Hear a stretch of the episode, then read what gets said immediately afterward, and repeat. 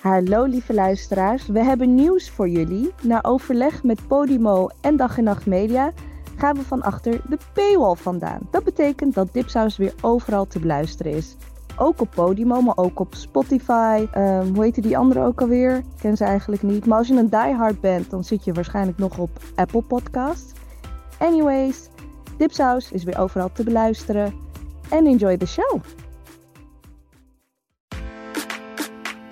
Bij Dipsaus, het programma door vrouw van kleur, voor vrouw van kleur en iedereen die geïnteresseerd is in ons geluid. En deze aflevering nummer 2 van alweer seizoen 9 wordt opgenomen vanuit Amsterdam, Den Haag en New York. Mijn naam is Ebise Wakjira en wat ik nooit had willen doen, maar waarschijnlijk dit weekend wel ga doen, is de blockbuster Vermeer tentoonstelling bezoeken in het Rijksmuseum. ik, lach me uit. Oké, is goed. Ik weet niet of jullie dit meegekregen hebben. Oh my god, you're so evil, Mariam. Ik weet niet of jullie dit meegekregen hebben, maar er is een tentoonstelling waarin heel veel werken in bruikleen zijn uh, bij Rijksmuseum. En mm -hmm. samen tentoongesteld worden. Het is like a huge, huge blockbuster thing. Uh, het was echt al, al lang, wekenlang of maandenlang van tevoren, voor de opening al was het gewoon uh, uitverkocht. En uh, er was ook één grote, totaal onkritische kwelrecensie in de New York Times. Waardoor dus een vriend van mij, die in de Verenigde Staten uh, woont, komt gewoon speciaal daarvoor hierheen, twee, een paar dagen. Omdat hij een beetje, he has a hard on for everything Dutch Old Masters. Echt gewoon niet normaal. En I was like, oké. Okay. Dus hij zei van, ja, ga je met me mee? Ik heb dus ja gezegd, terwijl ik echt niet van plan was. Want de reden waarom ik niet erheen wilde, is niet omdat ik iets heb tegen Johannes Vermeer of zo. Mm -hmm. uh, I mean, I love, I love Melkmeisje en Meisje met Parelketting. Mm -hmm.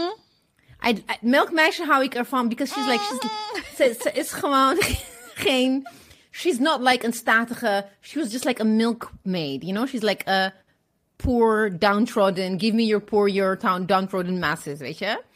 Maar de laatste, sinds Wim Pijbus eigenlijk directeur werd van Rijksmuseum, is het gewoon, het is één grote kunsthistorische nationalisme. En het, het, ook borderline fascism vind ik het. Het is heel erg ethno-nationalist van, kijk, ons Nederlanders geweldig zijn. Waardoor ik dacht van, ja, weet je, I'm not gonna waste my precious time. Maar goed, anyway, dus ik ga. Because of uh, friendship tussen aanhalingstekens. Please send your thoughts and prayers. Dus weet je hoe ik van het bestaan weet? Van mijn 60 plus something in-laws. Say hi if you see him. I will. Gaan ze maandag? Ik heb geen idee. Of zij zijn al geweest. Nee, want ik snap niet, omdat, omdat het wordt zeg maar, ge, gebruikt, zeg maar, hè, het wordt uh, gebruikt in een soort uh, love Nederland ja. above everything else ja. issue. Daarom ja. vind je de schilderijen minder mooi? Nee, het is niet dat ik het minder... Kijk, toen het, uh, net voordat het ging, de weekend voordat het tentoongesteld werd, voordat het opende, in NRC, ik weet niet hoeveel spreads ze eraan hebben gespendeerd. En overal in de stad heb je uh, posters. En het is een soort van like the epitome of Dutchness, Dutch art, weet je wel. Dat, Wim Pijbers heeft uh, expres toen, uh, Rijks, toen het Rijksmuseum na tien jaar verbouwing openging, heeft hij heel erg ingezet op Dutch art, Dutchness. Net zoals Linda, weet je. Linda Magazine heeft heel erg dat Hollandse... Uh, de gewone Hollandse meid... Uh, nation, nationalistic tendencies. Het is een soort undertone of nationalism... in de manier waarop het gemarket wordt. Ja, precies. En dat dus, maakt je gewoon Vermeer moe. Dat, dat irriteert. Nee, nee, niet eens Vermeer moe, maar ik wil gewoon... Ik wil niet naar een fucking hype omdat iedereen zegt ik moet erheen. Het is niet omdat ik Vermeer niet... Echt, juist als ik naar het Rijksmuseum ga, die vaste collectie... zijn een aantal echt heel mooie schilderijen van Vermeer. Ja. Rembrandt kan me gestolen worden. Ik vind het saai. en Vermeer was zelf... Was toch ook niet echt een soort... Was volgens mij best een I know, I know, but... En, uh, ze, I know, ik but schilderen ook like, een beetje de gewoon, juist niet allemaal nee, statieportretten. Mensen vallen over elkaar heen. It's just like, ja. you know, like Independence Day in America, waarvan je denkt van, ugh, fuck jullie allemaal. Dat. Ja. Het was zo erg. Ik dacht van, nee, ik ga gewoon niet, weet je. Dan, ja, dan niet. Ja, ja. Een daad, een, een, hele, een daad van jet. Ja, en nu? maar, maar niet. en nu? Ik ken, alleen, ik ken alleen de film The Girl with the Pearl Earring met Scarlett Johansson. Ja. En, dat is de, en toen ging ik... eh, En dat vond ik best wel een mooie film. Oh my Het is een god. mooie film. Het is ook een mooi schilderij. Wordt ook, eh, eh, er wordt ook toch heel veel nagedaan. Ook maar dan een beetje met zwarte Ja. mensen, met Marokkaanse mensen en weet ik veel. En dan gaan we allemaal met, dat schilderij Met. Jalibia, met, Ja, ja, ja. met afro. Met, met, met with braids, echt vermoeiend. Daarom hou ik. Maar I like the milkmaid because she's just a regular worker who works hard, is making money for her family, weet je wel. Daarom hou ik van een melkmeisje. En het is ook gewoon een, echt een gez- gezonde Hollandse melkboerin. That's why I like Over, sorry, al cultuurbarbaar dat ik ben. Over die film gesproken. Dan speelde Scarlett Johansson speelde dan een meisje met de parel. En dan had ze kroeshaar of zo. Dat was, haar haar was zeg maar heel eh, pluizig. En, en daarom bedekte ze het of zo. En ik dacht alleen maar, ja, weet ik veel. Hollywood, this must be historically gewoon accurate. Accurate. Geen- ik had echt geen idee. Ik, ik vond het wel een mooie film. Tot zover mijn. eh, Ik heb hem wel gezien in Mauritshuis. Op, eh, bij een, eh, ehm, dat is de ene, ik ben twee keer in Mauritshuis geweest. En dat was dan de Black Tour van Deborah Cameron. Ah. Eh, als het goed is, als ik tenmi- tenminste naar binnen mag sneaken, krijgen we een private tour van de directeur van de Mauritshuis. Doe hem de groeten van mij. Chic hoor. ja, say hi. Vraag hem hoe die de film, film vond. Ja, nee, het is vrouw. Martine heet ze nu inmiddels. Het is een vrouw nu. Oh, oh Ja. wacht even. Volgens mij heb ik haar wel gezien. Beetje Ja. wavy hair. Ja. Oké. Nou, heel, ik ben, we zijn benieuwd naar de rants en de draadjes en de, en de selfies met je, met je gast. Hè? Met je, No, I don't know. I don't know je- if I'm with gonna do that or not. Your buddy. My buddy, who can't handle black women. Maar anyway, oh shit, ik wil niet dat hij hier naar luistert. Denk het, denk het niet. Eh, jullie hebben mij al gehoord, maar mijn naam is Mariam Emaslahi. En wat mij een beetje heeft geïrriteerd, maar allemaal een beetje tijdje irriteert. Het is een beetje killjoy begin, sorry iedereen. Maar Internationale Vrouwendag. Nee, ook al. Waarom? Dat is echt zo'n belangrijke dag Oh, voor mij. Het is zo. Ik, ik, eh, ik, Is ook ge- is ook het ja. Het is nu heel commercieel. Ja, en op werk het, kregen ja. allemaal vrouwen make-up dingetjes. En kwam Nikki Tutorial op werk. En Famke Louise. En Olcay nog iets. En dan kregen ze make-up waar ze echt allemaal echt van dachten van... Oké, ja, make-up is leuk. Maar hele ingewikkelde make-up. Zo, Two Sides P. Louise of zo heette het. En van allebei de kanten eh, oranje eyeliner en gele eyeliner. En het was allemaal heel ingewikkeld. En natuurlijk, eh, ik, de, het is leuk en vrouwen op werk vonden het leuk. Maar dat ik denk, tien jaar geleden was je echt gewoon een schreeuwlelijke heks. Ja. Als je een beetje zei van, kunnen we iets doen met Internationale Vrouwendag? En ja, en, en er gebeurt gewoon iets met, voor mij zeg maar vooral Nederlanders. Ik, ik word altijd een beetje argwanend wanneer Nederlanders het om iets omarmen. Dan denk ik altijd, but wait a minute. Weet je, Nee, je bedoelt niet per se Nederlanders. Sorry, niet nee, maar people. bepaalde type. Bepa nou, maar zelfs van de white people. Bepaalde type white people. Ja, dan denk ik, oh, maar dan wordt het helemaal. Dus eh, eh, ik neem het terug. Hè. Internationale Vrouwendag, het idee erbij en demonstreren en een paar ramen ingooien. En weet je, dat, dat is mooi. Net als, weet je, eh, het is niet precies hetzelfde, maar als we het hebben over gay pride, weet je, gay pride was a riot. Uh, en dan hetzelfde idee van internationale, vrou- internationale Vrouwendag is nu echt gereduceerd tot brunches en Spanje eh, ik had het ja. niet erg. Ja, en ik had het niet erg gevonden als we daarna eh, allemaal, weet ik veel, een, een, een, een gebouw gingen bestormen of een gebouw gingen kraken of eh, weet je, iets gingen doen met vrouwen die geen huis hebben. Of, weet je, of politie die vrouwen niet serieus nemen wanneer ze zeggen: hé, hey, mijn partner slaapt me elke avond in elkaar. Weet je, dat dus. Snap je? Ik vind het Ja, Ergens- ja, het, is een beetje, het is een beetje nog één, nog één ding. Het is een beetje hetzelfde als toen met de woningcrisis. Hmm. En die crisis is al 40 jaar gaan. Oké, 20 jaar. 20 jaar gaan, de woningcrisis. En dat dan 30 plus somethings gaan demonstreren omdat ze overboden worden op huizen van 350.000 euro. You, get, you get what I'm saying? Dus uh, Ja, ja. de hele beweging zou gaan om een eerlijke, eh, weet je, eh, sociale huurwoningen. En de kostendelensnorm dat weggaat. En eh, meer huursubsidie, lagere huren. En dan, wie gaan dan allemaal demonstreren? Misschien zelfs mensen die een huis hebben. Of scheef, hoe noem je dat? Scheefhuurders zijn. Eh, dus die heel veel geld verdienen en in een huis zitten dat heel goedkoop is. En dan demonstreren, want ja, ik kan geen huis betalen van vijf ton, maar wel vier. En ik word de hele tijd overboden. Ik, dat, dat is de vibe die ik ervan krijg. En ondertussen verdienen we nog steeds niet hetzelfde. Dus je krijgt dan lekker één dag champagne en er wordt make-up gedaan. En we verdienen nog steeds een Ja, kwartje minder gemiddeld. Wat ik vind, je kan make-up geven. There's nothing wrong with that. Geef make-up, geef mooie lingerie, geef alles. Dat maakt mij niet uit. En tegelijkertijd eh, moeten we het ook hebben over waarom de uitstroom uit eh, crisisopvang zo langzaam gaat. Waarom vrouwen met drie kinderen een jaar lang in een crisisopvang zitten. Terwijl ze al lang hadden moeten doorstromen. En ik, ik wil gewoon heel graag dat die dingen. dat je de, de, de, de survivors van gendergerelateerd geweld en huiselijk gewerkt in de, eh, geweld in de watten legt. Maar en tegelijkertijd zegt: This is the problem. En dat is gewoon fucking tien jaar Rutte. Ja, dat we ook systemisch gaan kijken. Ja, want nu is het. En En nu doen we het allemaal. Klaar. Het, het net zoals met eh, Pride.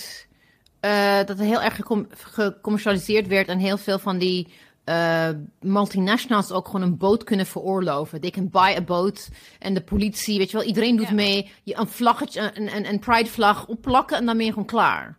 Ja. Ja, precies dat. En ook nu overal van die aesthetically beautiful posts. En dat Ja, soort- iedereen. Oké, I'm gonna... eh, ik vind het zo ergens heel erg grappig. Want eh, dit gaat natuurlijk verschijnen pas after Internationale Vrouwendag. Ik was dus vrijdag met Kimberly eh, aan het werk bij Pluim. En she had a beautiful idea voor Internationale Vrouwendag gepost. En, en echt gewoon een beetje inderdaad precies wat je deed. Heeft ze een hele reeks eh, Instagram-post bedacht om gewoon, echt, gewoon een beetje tegenaan te schoppen. En it was gonna be a surprise for you too. dus, we hadden bedacht van, we gaan het gewoon... We hebben het met z'n tweeën bedacht van, we gaan het gewoon posten en kijken hoe Mariam er dan zou reageren. Oh, wat een Maar- goeie.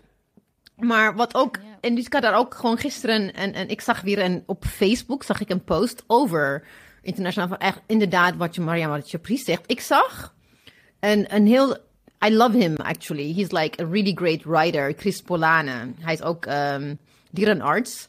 Hij heeft in ehm Afro-lid heeft hij een bijdrage geleverd. Hij postte op zijn Facebookpagina, ja, op de Internationale Vrouwendag mag ik vertellen over echtgenotes en buitenvrouwen.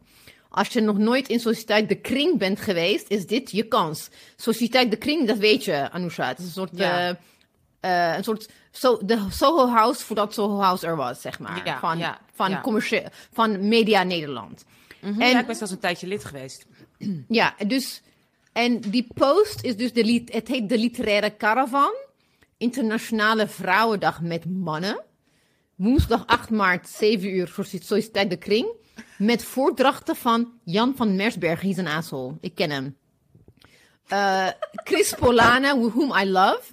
Martin Hendriksma en Rob Wouwman. Het is Echt gewoon mannen. En dan muziek door Caspar. Presentatie wel door een vrouw. I mean, what the fuck?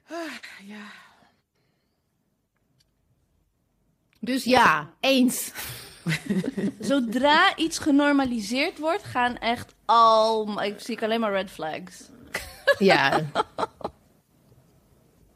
Ja. Het is wel red flags. Maar goed, maar wat, wat, Dus wat dan? Hè? Wat, wat, wat is er voor...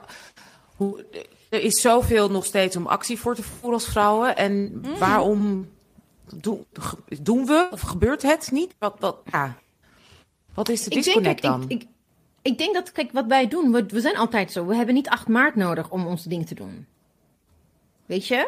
En nee, ik maar denk het is dat een mooie daar... dag om, om internationaal aandacht voor een belangrijke zaak te vragen. Je kan natuurlijk ook je voordeel gebruiken. Ja, ja.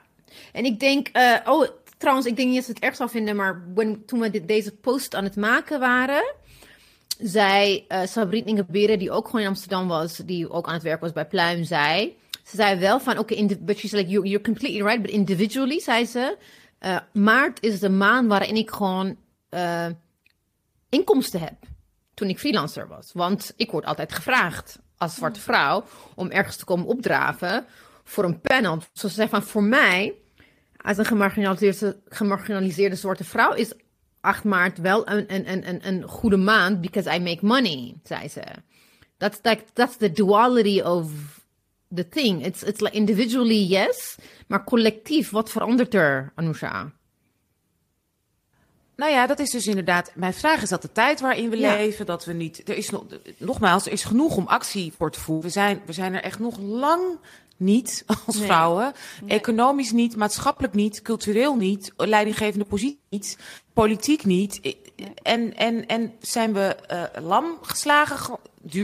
Dat, dat idee heb ik wel eens een beetje. Dat... Ja, ik denk, ik denk, ik zie het, het is niet een festival, maar ik zit, ik zit net zoals festivalisering van verzet. Net zoals alles een festival wordt. Nelson Mandela-lezing is een fucking festival waar mensen dansen en zingen. Uh, uh, op de dam gaan en een foto op met uh, al je vriendinnen, wat ik zag dus zondag. Uh, op de dam gaan en op de foto op met je vrienden en alle be bekende Nederlanders. Is leuk, maar wat doe je daarna? Want straks, volgende week zijn er verkiezingen. Op wie ga je stemmen, godverdomme? Weet je? Dus daarom ben ik suspicious, just like Mariam, van gewoon eenmalig ergens naartoe gaan met z'n allen, met je mooie borden omhoog uh, is leuk, maar I hope that these women actually also. En also de mensen die dit organiseren en al die andere mensen die erop inhaken, ook daadwerkelijk meer doen dan alleen maar één dag even, weet je? I doubt it. it is, we leven in een neoliberal world. Nee, daar zijn we het over eens. Maar mijn vraag is waarom? wat is er gebeurd dat we zo kennelijk, um, weet je, zo zeg maar opium genoeg voor het volk, zeg maar, kennelijk krijgen? Dat we zo lam geslagen zijn. Is het omdat er zoveel entertainment is op tv? Is het omdat we het net allemaal redden? Is het, weet je, ik, ik, je merkt ik, in mijn lifetime, als ik het vergelijk met de jaren tachtig, zie ik het alleen maar allemaal minder, minder, minder worden. Ja, ik denk echt dat het te maken heeft met, we hebben, niet we, we, hebben net, we hebben net niet genoeg om, zeg maar, echt, echt, zeg maar, to give it all up and fight. We zitten net te comfortable. Het gaat allemaal net wel. Is het echt moeilijk? Ja. Heb je wel je salaris aan het einde van de maand? Ja. Snap je? Dus ik denk dat. En, en dat is echt precies zeg maar, het idee van kapitalisme. Mensen net tevreden houden waarin ze denken dat ze, uh, dat ze niet hun way of life kunnen opgeven. En daar hadden we het ook een beetje in de vorige aflevering over. En wat Panache zo goed zegt, is ja, are we we're not even willing to lose our jobs, let alone to burn the whole world. Snap je? Want dat is er uiteindelijk wel voor, voor nodig. Dus er is gewoon een hele intense radicalisering of women nodig. En, en, en ik denk, ik denk dat dat er nog niet. Ik denk dat dat er nog niet is, because we are just too comfortable, even in the global south waarin vrouwen zo, zo uitgebuit worden door het kapitalistisch systeem, dat je per dag 19 cent betaald krijgt, it's still 19 cent. En that was what makes me Um, uh, snap je? Dus daarom denk ik van dat komt, het komt steeds niet door. Omdat we nog steeds denken van eigenlijk hebben we het nog wel best wel oké, toch? Dat denk ik ook. En ik denk ook dat die belofte van als je het maakt, komt alles goed. En dat kan zelfs op een simpele manier misschien dat je TikTok famous wordt. Of dat je die wereldhit schrijft. Of dat je inderdaad fotomodel wordt. Of toch die fantastische kans op Die belofte is zo ontzettend verslavend. En daar worden we zo mee hersens Mm. Want die zie je in series, op televisie, in, inderdaad op TikTok, op Instagram. Dat dat houdt mensen, dat is, dat is zeg maar echt de, moderne opium voor het volk. Dat, dat houdt ons ook hoopvol. En dat je denkt, maar als ik die ene kans krijg. Um, hè, ik, ik, ik heb letterlijk jullie wel eens verteld uh, buiten de podcast als ik uh, kijk een reality-programma dat heet uh, Life and Love After Lockup. En ook during lockup. Het gaat over mensen in de gevangenis die dan verliefd worden en een partner vinden of krijgen buiten de gevangenis. En dan als ze uit de gevangenis komen met die partner wat krijgen. En het is ontzettend interessant, Kijk dit, omdat je zo die Amerikaanse kapitalistische structuur ziet vanuit de onderkant. En hoe ook die onderkant daarvan over is dat letterlijk een man die dan zijn achtste kind krijgt met, weet ik veel, de vierde of vijfde vrouw, zoiets heeft, ja nee, maar als ik eenmaal dat nummer heb geschreven, dat natuurlijk een internationale hit wordt, dan zijn we Beyoncé en Jay-Z. En het lijkt ook zo dichtbij, want ja, misschien schrijf je één nummer, wordt het hè, een TikTok-hit à la Justin Bieber, ja uh, yeah, right, maar goed, het kan gebeuren. En kijk, Justin Bieber was ook gewoon een kind van nee, een jaar later was hij uh, miljonair. Dus, dus het is zo, hè, die mindgame, die op elk niveau armoede en alles is aantrekkelijker dan opleiding, dan studie, dan lijkt sneller. Het is de perfecte carrot that we're chasing. Ja, en, en ook makkelijker dan tegen je baas zeggen: hey, kan ik hetzelfde betaald worden als White Guy James? Exact. Kan ik gewoon meer paternity leave hebben? Kan ik, weet je, al, dan al die dingen. Um, Ja. Dan is gewoon denken dat je de next Serena Williams bent gewoon reëler in je hoofd dan, Ja, um, Makkelijker, dan dat sneller. je. eh, ja, ja. Ebice, wat Ja. wil jij zeggen? Ehm, ik denk, dus wat je zei inderdaad, maar ook als je kijkt naar wie gaat naar deze protesten. Zijn het arme, ar- arme vrouwen? Ja, dat kan je niet zeggen, dat weet je niet. Dat weet ik Dat niet. is Nee, dat weet heel je niet. tricky over demonstraties. Nee, klopt. Dat wie, klopt wie gaat wel. er naartoe, zo. Nee, I'm not saying like I mean arm as in uh, also you you can be like poor but but but like social capital hebben. Um, what what I'm trying to say is like het is wel denk ik um, mensen die naar de internationale vrouwendag uh, protest gaan zijn een bepaalde type mensen dan bijvoorbeeld mensen die tijdens COVID die anti-vaxxer demonstraties like uh, ik denk dat het ook wel een feminisme is whether we like it or not, not een breed gedragen beweging in Nederland. Ik heb het over Nederland. I don't know about other countries. In Nederland is feminisme voor een bepaalde segment van de samenleving die bewust is, geleerd is, bepaalde opleiding heeft gevolgd en dat soort dingen. Dus daardoor kom je vrij snel in een bepaalde tax bra- bracket terecht dan iemand die gewoon heel arm is en drie banen heeft. Die gaat niet naar Dam, denk ik. Ja, dat is dus altijd tricky om te Ja. zeggen. Ik heb genoeg Ja. demonstraties georganiseerd en gezien om te zeggen van, it will surprise you who shows up. Ja. Snap je? En ik denk juist dat ja. heel vaak dat we, hè, als we dat dan zo mogen Ja. typeren, juist heel goed begrijpen wat die strijd is. Because it's their reality and they're living it. Snap je? Or intersectioneel. Ja, Eh, Ja, Dus ik vind dat en altijd financieel wel... vrouwen. ja. Wat zeg Dus je? dat- eh, Vooral financieel, want vrouwen aan, hè, aan de economische ondergrens, Mm. die kunnen zich bijna niet veroorloven om ehm, met sociaal geld voor hun kinderen te zorgen. En kunnen zich ook Mm. bijna niet veroorloven om een minder betaalde baan en dan ook voor je kinderen kunnen te zorgen. Dus die zitten, die, die, en omdat ze vrouwen zijn, verdienen ze sowieso minder. En ze zorgen voor de kinderen. En de man doet niet mee. Dus die, die zitten, dat is, dat is hun dagelijkse realiteit. Is is, Ja. Het is een feministische strijd. Dat het feit dat ons, in, ieder geval in Nederland, de samenleving je niet beloont voor het feit dat je überhaupt kinderen hebt en baart en daarvoor zorgt. En dat je ervoor dat wordt beide niet beloond. Nee, maar het Je is dus precies wat je want zei. En je, hebt, je krijgt kinderen, dan moet je zelf maar voor zorgen, zegt de VVD. En ja, ja, dan moet je maar een man hebben, moet je thuis zitten. Nee, maar dat is wat I'm saying. I think the people who organize it. kijk, als, ik denk als jij de Internationale Vrouwendag demonstratie organiseerde, een heel andere samenstelling daar komt opdagen.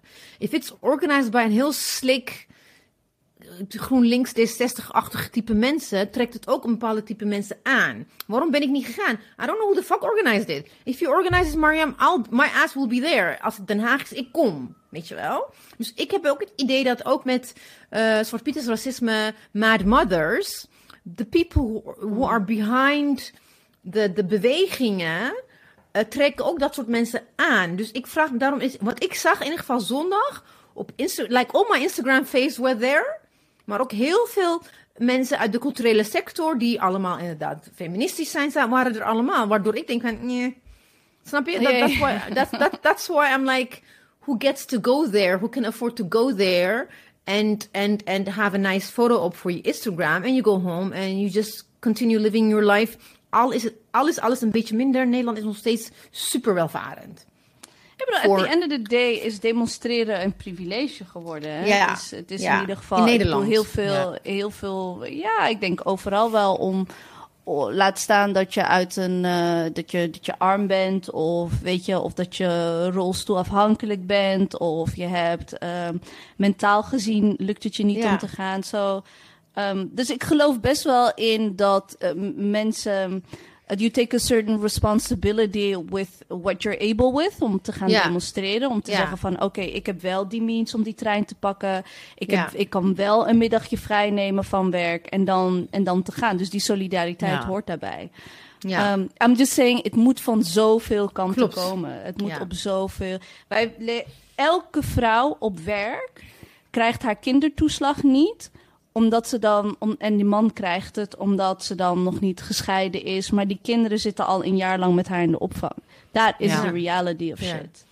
Ja, en, en dan then it stings, en then it stings, en then it sucks. Wanneer we het alleen hebben over mooie Instagrams en make-up. En, en of course, and again, I'm not against make-up. Of dat ik zeg van dat is shallow. I'm saying it is en, en, en, en. Ja. Hier is make-up en hoe gaan we ervoor zorgen dat gewoon wanneer een vrouw vertrekt, zij de kindertoeslagen krijgt en de kinderbijslag. En de, snap je? Gelijk. Ja. That is the shit that we're talking about. Ja. Nee, maar bijvoorbeeld een, om een voorbeeld te geven wat uh, I think was under the radar. I don't know about the rest of Nederland. Maar ik lees, ik, ik, ik, ik consumeer gewoon weinig nieuws. Maar dit viel me wel op. Want er was een aantal weken geleden gingen de vuilnis, ehm, mensen die vuilnis ophalen, gingen staken in Amsterdam. En iedereen kreeg een bericht uh, per post of per mail van gemeente Amsterdam om niet vuilnis buiten te zetten, want ze gaan staken. Met andere woorden, don't mess up the thing, keep it inside. Terwijl ik dacht van, hell no, ik ga alles buiten zetten, want ik ga ben solidair met de, met de stakers. Want je wil juist gewoon burgerlijk ongehoorzaamheid. Because it's not going to be successful als ik niks vuilnis binnenhoud. Dat is een stratennetje zijn, precies. Ja. Je moet juist zien hoe belangrijk het is. Dus dat die I was like, hell no. En er waren heel veel mensen die er ook gingen oproepen van... nee, nee, nee, nee, als je solidair bent met ze... ga gewoon je vuilnis buiten zetten. Want dan... En ze hebben wel hun zin gekregen, begreep ik. Ze hebben wel, ik, ik weet niet hoeveel procent het is... maar ze hebben wel gewoon die... Dus ik denk dat... I think I would support women die inderdaad als er een soort van georganiseerde staking is door women die onderbetaald worden, in, whether it's nursing. Nee, maar, hoe ja. nee, maar waar Marjam het over die vrouwen staken. je loopt weg bij een gewelddadige man en je krijgt je kindertoeslag niet. Klopt. Ja, nee, eens, en wie komt voor ze op? Dat, dat is het punt. Niemand. Snap niet je? de Instagram-stakers, nee. Nee, exact. Dus ja. Nou ja, wij zijn in ieder geval solidair. Als er een vrouwenorganisatie is die volgend jaar 8 maart daar iets mee wil doen, daar iets voor gaat doen, we're there. Misschien moeten we het weer zelf doen. Ja, dan we doen we het, weer zelf doen. Want we worden ook niet meer uitgenodigd voor uh, Internationaal Vrouwendag dingen. Ik heb geen bericht gekregen, dus ik ook niet. ik ook niet. Geen vliegticket voor mij naar Nederland om ergens We krijgen geen endorsement. We worden niet endorsed van willen jullie deze product. We, we love make-up. We willen ook gewoon make-up verkopen, mensen. Zelfs, ik, ze maakte de grap op werk, zei kwam Famke, Famke Louise heeft dus geen cadeautjes meegebracht. En toen zei ik, zei ze, en ik doe niet meer mee. Hè, zei Famke Louise, zei dat? Ja, met uh, de COVID, uh, de COVID-maatregelen een jaar geleden gingen een paar BN'ers gingen filmpjes maken met ik doe niet meer mee, oh. zeg maar, met quarantine en oh. dat soort dingen. Oh. En voor on record, she didn't bring gifts. Ah, niks meegenomen van vrouwen. Vreselijk. Ja. Mijn naam, nou jullie hebben me al uitgebreid horen spreken. Mijn naam is Anusha Nezume. En um, wat mij heeft bezig gehouden de afgelopen week is um, de, uh, de show en ook een beetje voorbereiding uh, naar dit gesprek wat we straks gaan hebben van Chris Rock. Ik weet niet of jullie gekeken ja. op Netflix. Ja, um, nee, ik ga niet kijken. Selective Outrage. Nee, en het is, ja, het is echt heel erg interessant. Um, wat ik er interessant aan vind, is een hele succesvolle man die vanaf zijn twintigste ongelooflijk succesvol is, heel veel geld verdient, met precies waar hij van houdt, met grappen maken, met zijn passie. Nou, weinig tegenslag heeft gehad in zijn hele carrière. Um, zelf heeft toegegeven dat zijn vrouw uh, behoorlijk slecht heeft behandeld, is vreemd gegaan en weet ik veel. En zij heeft hem inderdaad in de steek gelaten na heel veel jaar, twee kinderen. En ze heeft de helft meegenomen, terecht, meer dan 20 jaar, ik geloof hè, 15 jaar, meer dan 10 jaar in ieder geval, volgens de Californische wet, met hem getrouwd, kinderen gebracht en meneer vreemd. Uh, om dan iemand te zien die één flinke tegenslag heeft gehad. Hè, dat was natuurlijk een publieke humiliation. Dat vorig jaar tijdens de Oscars um, hij een klap kreeg van Will Smith. En nu stond daar op dat podium zo'n ongelofelijke kwaaie man. Echt niet normaal hoe boos hij is. Dat het bijna, het is al, hij start al zo hoog en met, met zo'n woede dat de eerste tien minuten moest ik gewoon alleen maar echt van... ik kan niet eens, zelfs de grappen die een beetje oké zijn... kan ik niet om lachen, omdat ik zo zijn, weet je wel... Uh, ja, ik heb het zelf van optreden. Als je nog niet klaar bent om te spelen, voelt iedereen dat. En voelt iedereen zich ongemakkelijk. En ik zie dus zijn woede, wat mij betreft, als, als, als, als regisseur, als theatermaker, vind ik dat het hem in de weg zit. Um, wat ik ook heel jammer vind, maar ja, dat doen nu bijna allemaal, is alleen maar hele zielige grappen over woke dit en vrouwen dat en inparkeren. Dat je echt denkt, jezus man, je bent bijna 60, je loopt al zo lang mee. Weet je, Eddie Murphy heeft tien keer meer ondertussen zeg maar ontwikkeld. En zegt ook van ja, ik wacht nog even met grappen maken, want ik wil, ik wil niet dat soort grappen maken. Weet je, als ik een tour doe, weet je, ik, ben, ik, ik, ik ga niet meer uh, lachen om uh, seks en vrouwen en, en mensen, uh, sex relationships. I, I, I'm beyond that. En hij zit daar nog steeds in. Dus dat, dat is ook ontzettend jammer.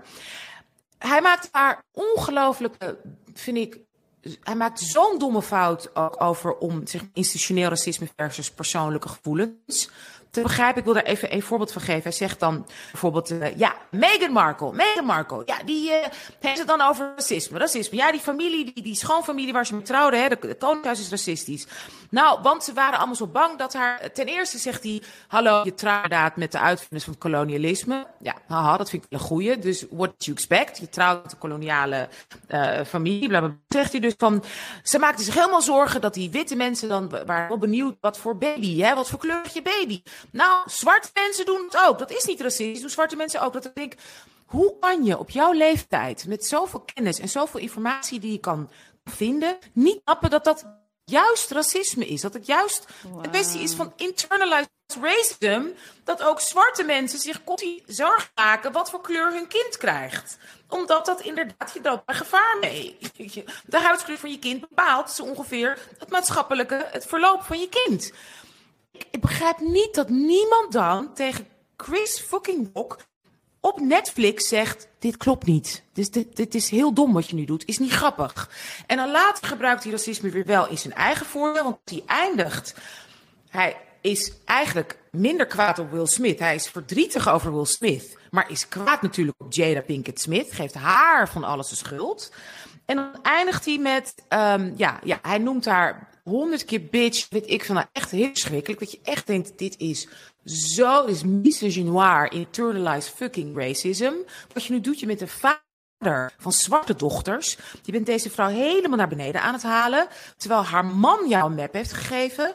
Die bewondert die heeft hij altijd van gehouden, is hij verdrietig over. En dan eindigt hij, ja, sorry, spoiler alert, eindigt hij met van, weet je waarom ik hem niet terug heb geslagen? Omdat ik ben opgevoed. En mijn ouders hebben mij altijd geleerd, never fight in front of white people.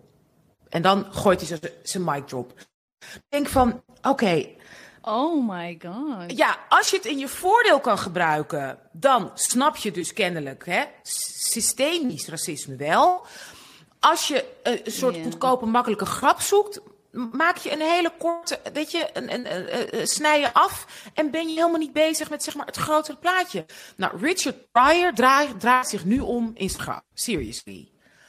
En ik, ja, ik begrijp niet dat je met zo, net als dat ik nooit begrijp Madonna een zangles heeft genomen al die jaren, begrijp ik ook niet, weet je, als je zoveel geld hebt, begrijp ik niet dat hij gewoon een dramaturg, weet ik veel, Shirley Crenshaw of weet ik veel wie even hè, heeft gevraagd, joh, help mij hier even mee, want er zitten interessante punten in.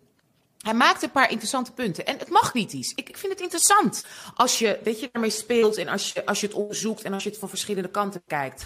Maar snap het dan in ieder geval. Volgens mij snapt hij het wel, maar wilt hij gewoon niet. Je microfoon staat uit, Ebise. I, I, I don't think it's niet snappen. I think in, in, in geval van Chris Rock. Want hij was toch op een gegeven moment niet meer. Hij was niet meer op, op, to, op de top.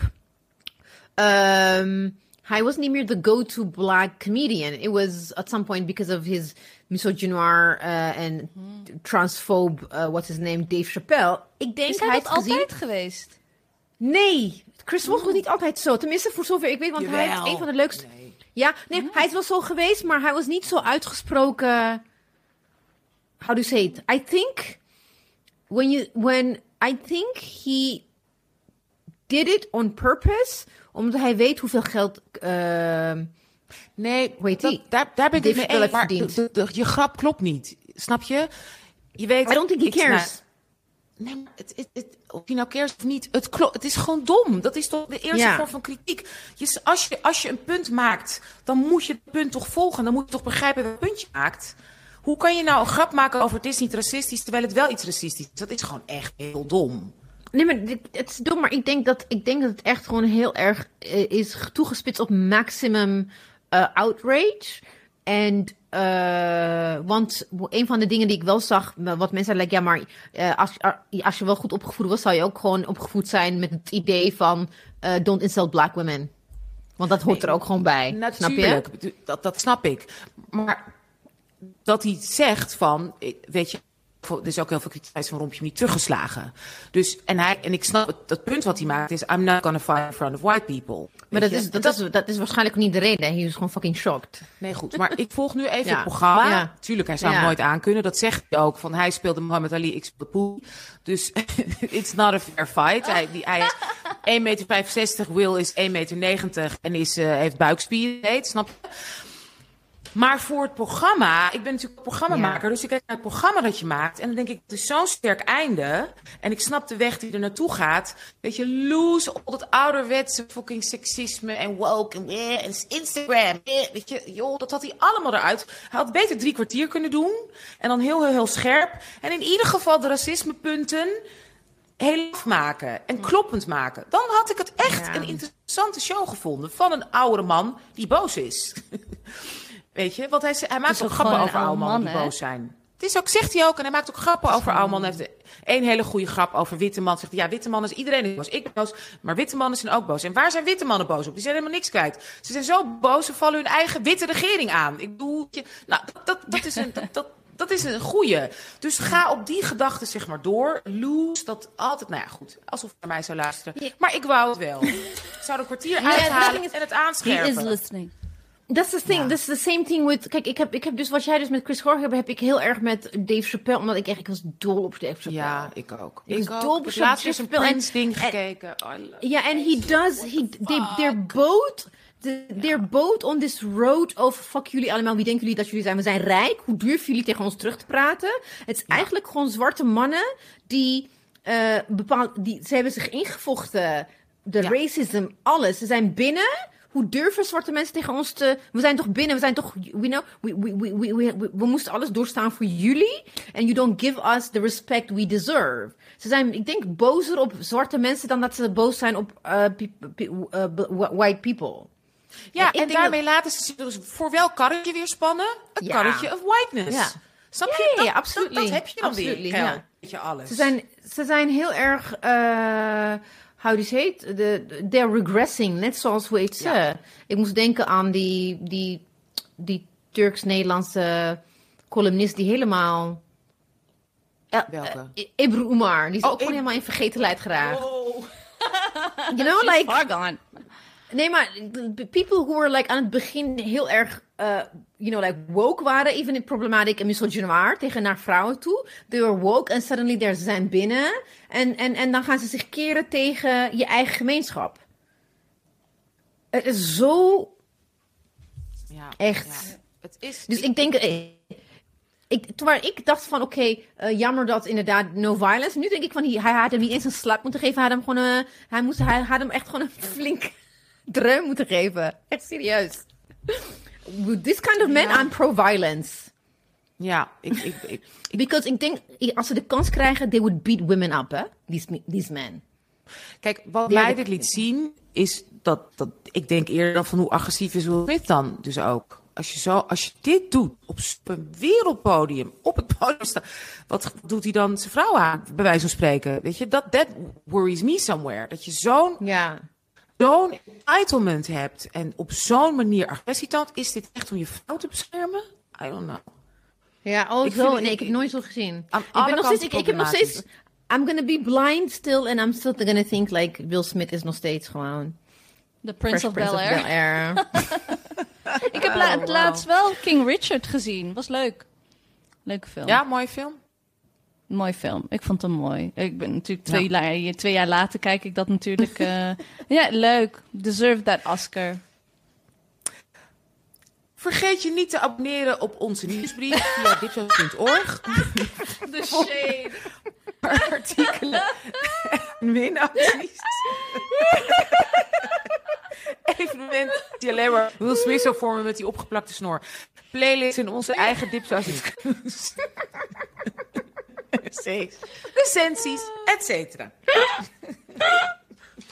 En eh, vergeet je ook niet te abonneren via Podimo. en dat, hij deed ook iets met zijn lippen zo. Ja, daar gaat dan zo'n lipbacteriën, ja. Ja. Dat deed het zo. Net als eh, Viola Davis en Michelle Obama. oh god. Oh. Oh, Eh, vergeet je niet te abonneren via Podimo. Dan trakteert de streamingdienstje standaard via de website op een gratis proeflidmaatschap van 30 dagen. Want eh, dat helpt ons eh, bankrekening. En wanneer dat onze bankrekening helpt, helpt dat ook onze levens. en dat deze podcast kan blijven bestaan. Ehm, en als je dan die Podimo-account hebt, kan je inloggen. En dan kan je daar likes en hartjes en knuffels achterlaten. Want hoe meer likes, hoe meer zichtbaarheid binnen Podimo-app.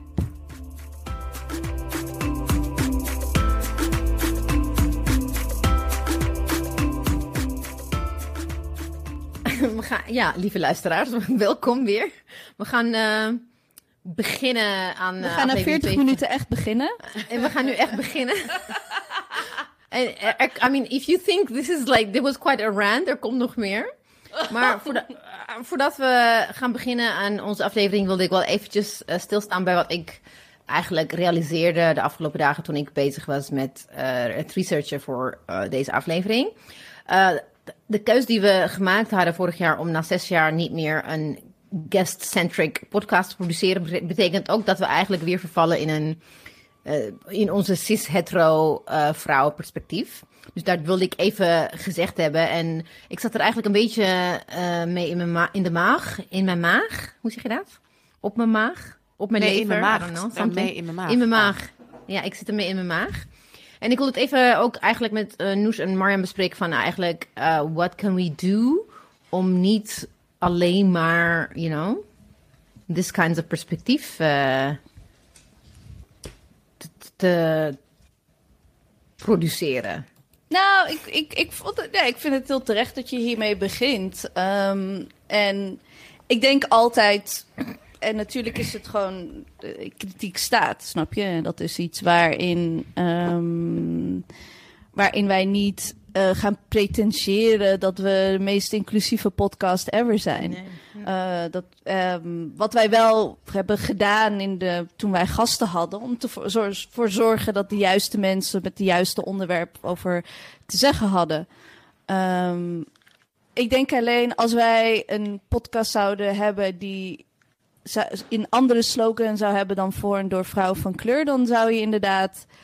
Ehm, dan zou je grotere vraagtekens bij kunnen zetten. En het is onze. ehm, volgens mij is onze ambitie om wel eens gasten uit te nodigen nooit daarin eh, verdwenen. Ehm, en ja, het blijft een cis-hetero perspectief. Because we're carrying this show. Dus ja, ik denk meer mensen uitnodigen, vaker. Ja. Of gewoon misschien, ehm, ik, ik denk dat voor dit onderwerp misschien had, had ik gewoon eventjes wat langere tijd moeten nemen. En uh, I could have like called a couple of people and then interviewed them. En gewoon hun geluidsfragmenten gewoon uh, hebben kunnen afspelen. In plaats van over, namens hun uh, het woord te voeren. Dat gaan we natuurlijk ook gewoon niet doen. Ja, en je wilt gewoon niet zo'n show. Je wilt ook niet zo'n show worden of podcast dat wij nu gaan zeggen. Ja, maar we hadden toch uh, Manju oh, nee. voor uh, House ja, of ja, the. Oh, nee, Snap je? Dat, nee, dat, dat is niet... I think... Wat wij altijd gedaan hebben is de juiste mensen voor de juiste onderwerp zoeken. Nou gaat, het, gaat het straks over, weet je, de, de, de, de, zeg maar, violence tegen uh, black and brown women als het gaat om, weet je, passief-agressieve, um, uh, de angry black woman trope. Um, maar wij zouden niet nu een onderwerp gaan kiezen, weet je, laten we het hebben over uh, relaties tussen lesbiennes. Ja. En wat vinden wij daarvan? Ja. Nee, nee, nee, um, dat gaan we ook niet doen. nee, like, en dat is wel het... That, yeah. En dat is, maar ik denk dat we daar zeker op scherp, scherp mogen houden. Okay. En blijven. Ja, ja ik voel het gewoon even. Ja, alright. Because I also wanted to discuss this with you uh, on air en niet achter de schermen. Uh, daarom wilde ik het gewoon eventjes uh, droppen. Anyway, dus ook lieve luisteraars, als jullie ook andere ideeën, tips hebben, please let us know via info.tipsaus.org. Oké, okay, we gaan beginnen. Are you ready? Um, na 50 minuten gaan we beginnen. Na 50 minuten gaan we beginnen. Anyways, any hoodle. Nu gaan we echt uh, beginnen. Nu gaan we echt beginnen. Dus de afgelopen maanden, I think a couple of weeks, en ja, a month and a half maybe, heb ik dus vanuit verschillende mensen in mijn omgeving uh, gehoord dat ik te ben. You know, like te, te dominant, te aanwezig, te slim, too much, too crazy. One even said you, you were on a rampage, kreeg ik ook te horen. Het was wel liefkozend bedoeld. Enzovoorts. En mensen die het dus allemaal tegen mij zeiden, ze varieerden van echt professionals tot kennissen, goede vrienden, mensen die ik al 30 jaar ken en zo. En ik denk ook van, you, you girls know me nu al zes jaar best wel intiem. En ook hebben van dichtbij ervaren hoe mensen van alle genders eigenlijk, of het nou vrouwen of mannen zijn, uh, echt, en in sommige gevallen ook echt specifiek ook vrouwen van kleur en black women specifically op me reageren. En waardoor ik jullie ook echt heel vaak vroeg van, wat heb ik nou meer gedaan? Weet je wel, what did I do? Wat is er aan de hand? Waarom reageert die en die en die zo heftig op mij? En um, de cherry on top van incident op incident was eigenlijk gewoon een paar weken geleden toen een kennis van mij na een I guess, ik dacht dat we gewoon een gewoon een normaal gesprek hadden, een gemoedelijk, een gezond debat over migratie en racistisch beleid van D60, GroenLinks, weet ik veel.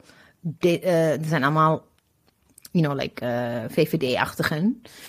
En die, hij zei op een gegeven moment echt gewoon tegen mij, aan het eind van de avond, zei hij van, wow, je bent best wel belezen, jij weet veel, je kent heel veel feiten, kan je verbanden leggen en uh, je bent best wel medogeloos uh, in je overtuigingen.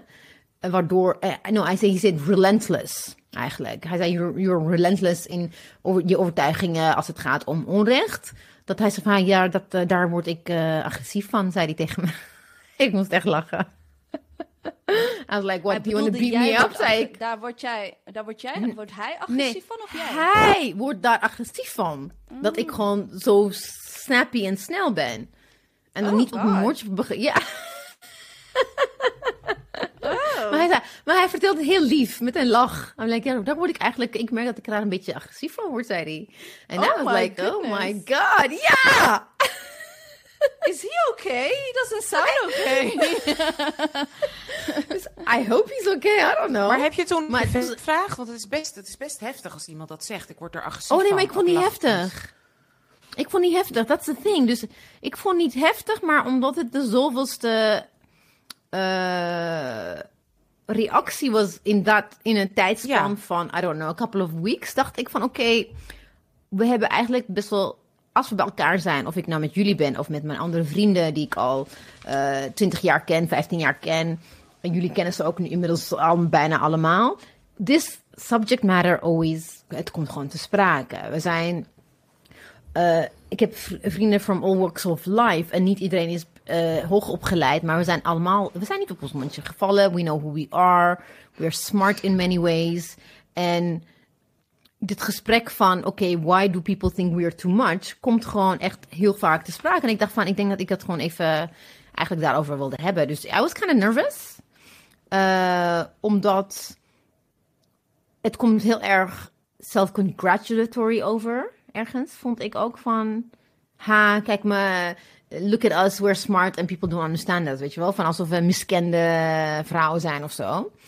Maar um, ik wilde wel gewoon echt eventjes niet als een aside, maar het echt hebben over what it is that is about women who are witty and smart in many ways. Waardoor mensen, of het nou mannen zijn of uh, vrouwen of mensen van andere genders, gewoon daar heftig op reageren. En specifically women of color and black women. There's something about women of color and black women who are well read, smart in many ways. Um, um, niet per se, uh, hoe heet het? Die who are secure in who they are and what they want to be. Waardoor mensen gewoon daar op een heel rare um, manier op reageren. En hoe navigeren wij die vijandige wereld eigenlijk? The world is like kind of like, it's always, always violent women in any way. And the, the specific kind of intellect, you can call it maybe intellectual violence. Dat, dat, dat wij meemaken, daar wilde ik eigenlijk gewoon uh, even met uh, jullie over hebben eigenlijk. Ik weet niet of jullie daar zin in hebben. Uh, nee, doei. nou, ik weet al jouw kopingsmechanismen, die hebben de luisteraars nu ook gehoord. Want wij, Anousha en ik zeggen allebei, nou, dat is best wel heftig. En jij zei, oh nee, ik ben er maar om gaan lachen, want het is, het is de zoveelste. Because at one point kan je er niet meer om huilen or get upset about it. Ja. En ik wilde wel eventjes heel, heel duidelijk hebben, when I talk about, like when I'm talking about slimme vrouwen, heb ik het niet per se over IQ of having a PhD of uh, uh, een opleiding, iemand die uh, opleiding heeft gevolgd of whatever. Ik heb het echt over als, als, als women of color, als migrantenvrouw, als zwarte vrouwen, moet je sowieso op, in veel opzichten slimmer zijn dan een gemiddelde Marijke je moet harder werken, je moet sneller schakelen, je moet flexibel zijn, je moet uh, over een ongelooflijk incasseringsvermogen beschikken om te gewoon te overleven.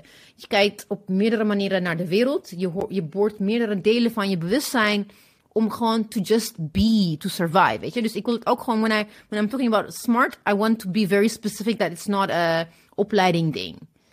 En dat gezegd hebbende, ik dacht, ik ga het gewoon in drie dingen op, opdelen number one, waar we het heel vaak uh, over hebben, is like in our professional lives. In workplace situations, number one, and then in friendship, families, relationships, number two. En in, in the third one is also like in relaties, in uh, levenspartners die we uitkiezen. How do we deal with who we are?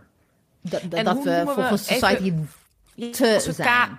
Als we het kaderen, hoe, hoe definiëren we dan dat, hè, dat uh, dat begrip volgens sommigen, want het is natuurlijk heel arbitrair, dat begrip van too much. Hoe, hoe, wat is jouw definitie van, soort, van zo'n soort vrouw? Ja, kijk, wat ik, mijn ervaring, dus inderdaad dat, dat hij daar agressief van wordt, omdat ik gewoon een beetje slim ben.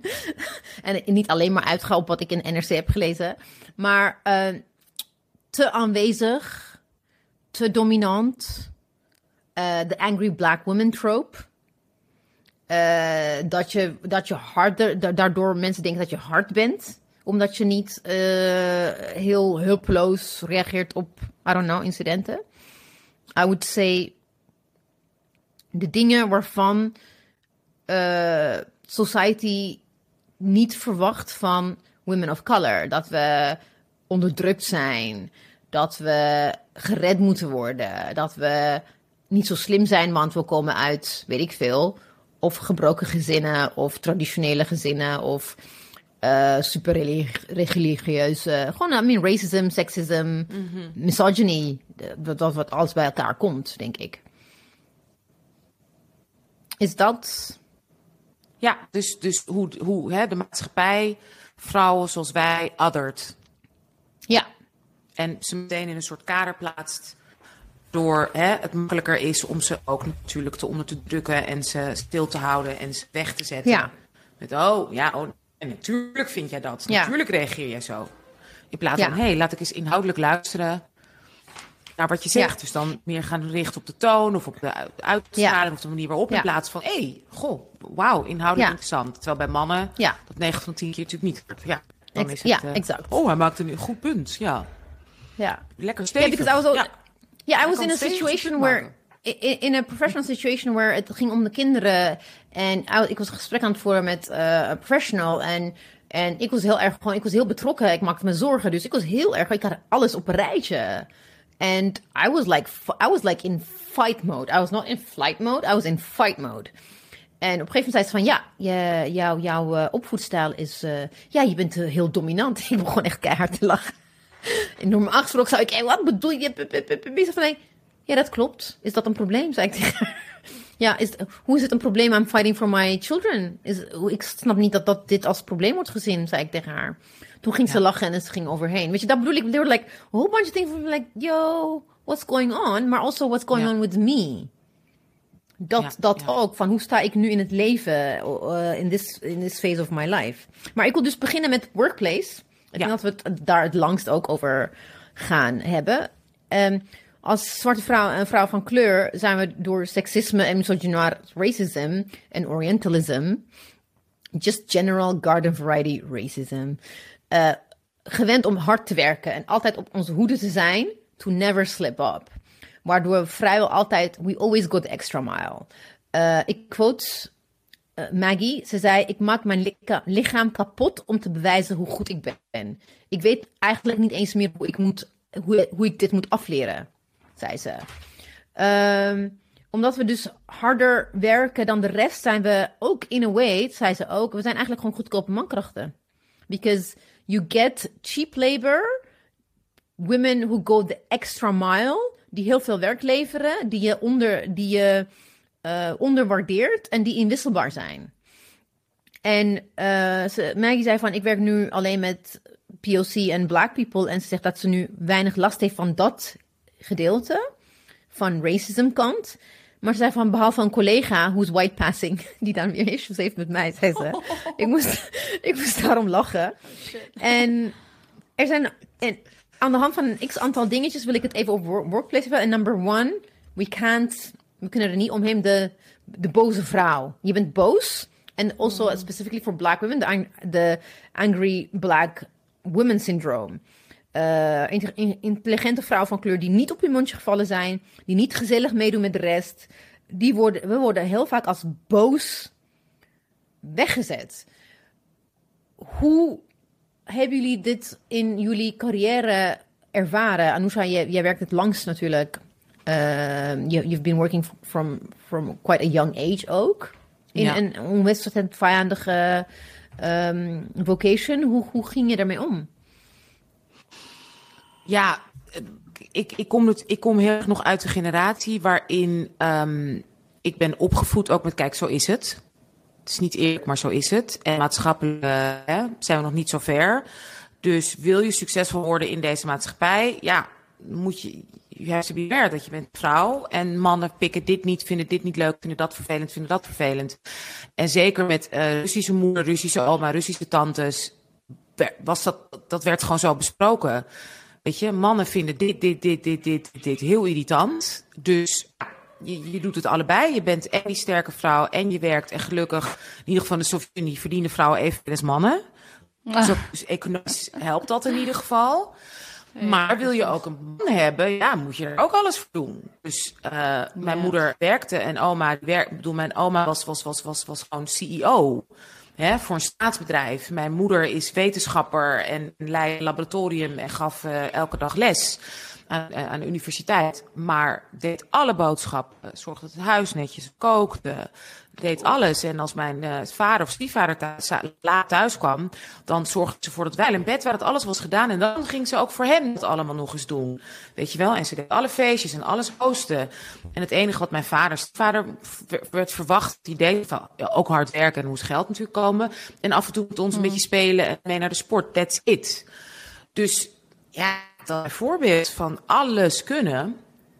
alles doen en accepteren hoe verschrikkelijk mannen zijn. En nu achteraf realiseer ik me ook van zoveel vriendjes die ik heb gehad, mannen waar ik mee heb gewerkt, van Jezus, over code switchen gesproken. Ik heb gewoon altijd gecoacht. Mega. Gewoon ook als vrouw. Je altijd niet te intelligent opstellen, niet te bij de hand willen doen, niet te dit, niet te dat. Zelfs seksueel. Dat ik gewoon was van, ik kan niet seksueel te veel tonen, want dan vinden ze me een slet of weet ik, weet je wel. Ja. Ja, ontzettend van invloed geweest. En nou, daarom, we hadden ook het laatst nog met jullie over het, van Maria Masloui, dat boek. Uh, hoe dat raakte, dat dat nog steeds, dat het nog niet zo is. Ja, het schiet dus, waar, we, waar ik in het begin het al met jullie over had, het schiet zo weinig op. Want ik denk, volgens mij is mijn verhaal niet eens zoveel anders dan het van jou, Marjam. Hoe je daarmee omgaat. Nee, ik hoor niks nieuws. nee. Oh, wat ook niks ouds, toch? Nee, maar ook niks ouds. Niet dat je denkt, oh nee, het is helemaal heel anders voor mijn generatie. En ik ben, jij bent 20 jaar jonger. Nee, nee, echt niet. Nee, ik kan me herinneren toen ik uh, eh, 18 was. Toen kwam ik terug uit Marokko. En toen ging, liep ik gewoon naar de Albert Heijn balie en zei ik: hey, ik vraag me af of jullie uh, een baan voor mij hebben hier bij de Albert Heijn. En dat die vrouw de telefoon pakte en zei: Nou, uh, ik bel even de manager. En die zei ze: Nou, er staat hier een pittige meid voor me, die wil graag werken. En ik dacht echt alleen: Ik heb echt letterlijk alleen maar gevraagd of jullie werk hadden. That's literally all I did. En ja, ja volgens, het is nog steeds hetzelfde. Ik zie nog steeds vrouwen op werk die alle ballen hoog houden en werken en kinderen en huis en weet je, die met een post-it op een koelkast opschrijven, wil je alsjeblieft, uh, voor een partner wil je alsjeblieft vuilnis wegbrengen. En I don't, I don't think anything. Misschien op microniveau hier en daar is het, is het veranderd. Maar uh, volgens mij moet je nog steeds niet uh, de, de enige vrouw zijn in een groep met de grootste mond. Ik moest een beetje. Ik moet aan mijn zus denken, die uit Londen terug naar Nederland is. En dan zie ik weer, weer het verschil tussen werken in Londen bij een hele grote bedrijf. Ze werkt bij zo'n soort heel grote assetbedrijf of zo. En dan in Nederland, waarin ze gewoon liep naar de manager en zei: Ja, er staat er altijd de parkingspad leeg. Af en toe heb ik de auto nodig. Vind je het erg als ik het daar. Uh, vind ik erg als ik daar parkeer? Nou! Oh! Zo pittig, zo heftig dat ze dat gewoon vraagt en zegt. En ze zeiden nog net niet een vrouw met een hijab die iets wilt. En, en mijn zus die mij echt vroeg van, was het echt zo raar wat ik vroeg? Of, weet je, want die is ook 15 jaar niet in Nederland uh, gewoond en gewerkt. Dat ze zelf echt, echt zo Gewoon zo, er staat altijd de parkeerplek daar vrij. Is het oké als ik die één keer in de maand, uh, één keer in de week gebruik? Want dan kan ik snel mijn kinderen ophalen. Dat Maar ook, oh, ze wilt fulltime werken. Oh! Weet je? Oh, en dat, is... natuurlijk niet gewend. Dat is gewoon nee, en mijn, mijn zus denkt niet anders dan, ja, maar ik wil gewoon vijf dagen. En natuurlijk, als zij twee zou willen, is dat ook goed. Als zij niet wil werken, is dat ook goed. Dat maakt allemaal niet, dat maakt allemaal niet uit. Maar volgens mij ben je nog steeds heel. En dat coach switch herken ik ook ontzettend. Ik ben echt een heel ander persoon als ik op de universiteit ben. Ik kan letterlijk op de universiteit bij elk college kan ik zes keer mijn hand opsteken en zeggen: Dit is gewoon problematisch. Dit, dit, dit, dit gaan we niet doen. Ze hadden het letterlijk over ja als een cliënt naar je toe komt met, uh, voor, voor solution focused therapy en die heeft één been en die vraagt van ja, uh, met doel, ja, ik wil de marathon lopen. Ja, dat is geen realistisch doel. Misschien moet hij dan wat anders zoeken. En ik denk, hè? So we're not gonna, we're not gonna talk about welke marathon en hoe en of hij dat in een rolstoel wil doen of met een prothese of met en maar ja, hoe vaak ga ik, ga ik elke keer die persoon zijn? En niet alleen maar die persoon ga ik elke keer, want de hele klas is vol vrouwen. Maar ik ben echt. Uh, jullie gaan het niet geloven, maar op de Universiteit Leiden ben ik dark-skinned. Wow. I swear. en zo, dus ja, nee, ik doe het niet. Because ja, um, uh, in deze show kan het wel. Op werk kan het ook meer. Um, maar bij andere banen kon het weer bijna niet. Ik heb me ook bijna te pletter gewerkt. En toen moest ik nog 26 jaar worden. To show them I'm good. Hmm. Uh, ja, maar dat doe ik echt niet meer. Dat doe ik echt. Uh, uh, ik heb wel. En ik denk dat heeft echt wel. Daar heb ik echt wel 30 voor moeten zijn. Om zoiets te hebben van. Ja. Ik ga niet ja, en... mezelf weer helemaal de pleuris werken. het, is, het, is, het, is, ik, ik merk ook nu, ik werk nu met, um, uh, ik eigen productiebedrijf begonnen met een hele goede vriendin van mij. Zij heeft gewoon haar masters in business administration van NYU. Nou, ik heb 100.000 jaar ervaring en nu een mega succesvolle film uh, op cv. Wij werken dus met drie jonge heteroseksuele jongens. Uh, dankzij mij is het idee überhaupt diverser geworden. Weet je wel, het idee dat ze hadden was, was, gewoon alleen maar op mannen gericht. Ik zeg, ja, als je mij vraagt, dan gaan we dat niet doen. Nou, bla bla bla. Ik, ik hoef dat niet maar uit te leggen. Het is heel goed wat we doen. Het is interessant. In communicatie, en dit zijn jonge jongens, hè? Dit zijn jonge jongens. Gewoon de um, en hoe ze tegen ons praten. Dat ik echt nog af en toe echt in shock ben van, moet ik nou echt uitleggen dat wij jullie, hè, dat we kansen bieden, dat we hier met, met, met financieringen zo komen en weet ik veel. En, dat je, en dat, je, dat je zo tegen ons überhaupt praat, dan zou je nooit praten tegen een man. Nooit, nooit, nooit, nooit dan weet ik dat het geen enkele zin heeft om dat ik echt moet denken van oké, hoe en wanneer in communicatie um, kan ik dit tegen ze zeggen? Er moet toch een moment zijn dat ik kan zeggen van hey, dit en dit en dit is niet oké, okay, hoe jullie hebben gecommuniceerd hierover. Of moet ik het gewoon maar laten en moet ik het gewoon doen? Weet je, het is ja stuitend.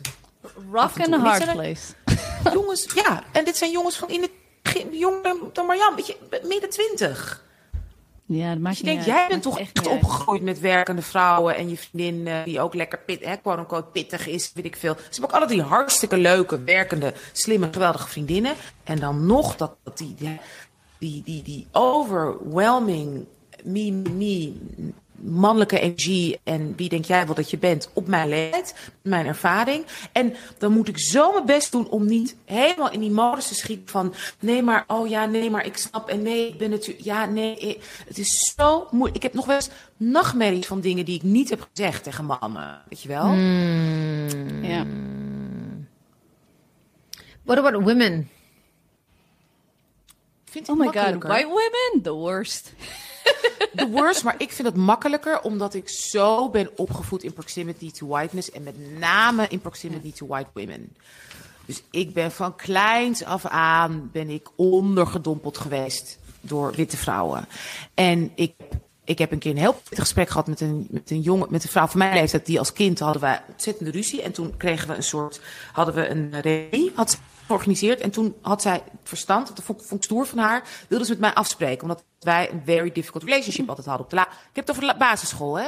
Hmm. En alles op oh. tafel, zeg maar eerlijk. En toen zei ze ook tegen mij, wat ook, je was altijd veel, je was altijd zo lastig, je was zo druk, zo grote bek, je was altijd dit, ja, ja, ja. En toen zei ik ook tegen haar, heb je er wel eens over nagedacht waarom ik zo was. Weet je, heb je eens nagedacht over mijn achtergrond, hoe ik opgroeide, mijn, weet je, mijn, mijn, mijn, mijn, hè, mijn, mijn, mijn, culturele achtergrond, mijn raciale achtergrond. En in Amstelveen en ik en bla bla bla bla. En dat was heel goed, omdat ik redelijk goed weet, niet altijd, maar in principe ben ik zo gewend om met Nederland, niet van Amerikaanse witte vrouwen, maar Nederlandse witte vrouwen. En het was heel fijn dat je fucking naar 45 jaar. Want we waren toen net eind 40 en ik kende haar vanaf dat ik gewoon een kind was. Vijf jaar oud. She got it. En dat is echt heel goed geweest. Maar I know it's a hell of a job. Want dat moet je er dan voor over Een hele avond uh, werk doen.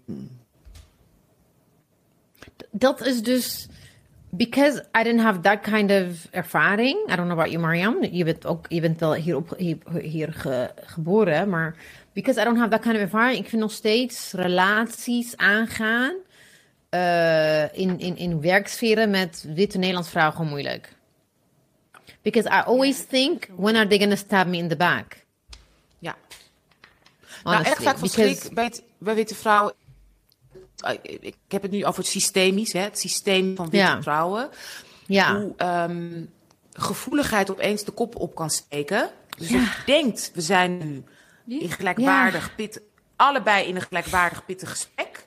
Oké, okay, ja. ik ga omhoog en dan opeens, boem, er komt een soort vlaag van, wat doe jij mij aan? Hè, vanuit de witte vrouw. En helemaal ja. maar huilen of uh, gekrenkt, gekwetst, beledigd. Ja. Alsof je als fysiek geweld hebt toegepast. Ja. En wow, dat, dat, is af, dat kan mij ook nog steeds af en toe helemaal een linkse, een linkse hoek uh, geven. Ja. Marja? Ja, ik denk altijd, ik, denk altijd van witte vrouwen en dat maakt die relatie zo ingewikkeld. You should know better. You're being screwed over. White men are not going to help you. You should align with me, not Peter. je denkt hiërarchisch dat je daar zit, maar daar zit je. Ja. Nee, en dat is wat mij. Dus ik denk dat er voor mij veel meer een soort van frustratie bijna. Want van witte mannen verwacht ik gewoon heel weinig.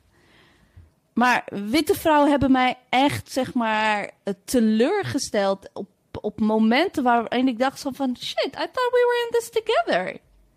Ik ook. dus covering your ass. Ja, dat is het interessante. Ik, dus ja, het is heel interessant dat je dat zegt, want mijn ervaring is ook, ik heb het nu minder, because ik, zoals jullie vaak weten, we hebben het vaak gewoon besproken in private gesprekken over mensen.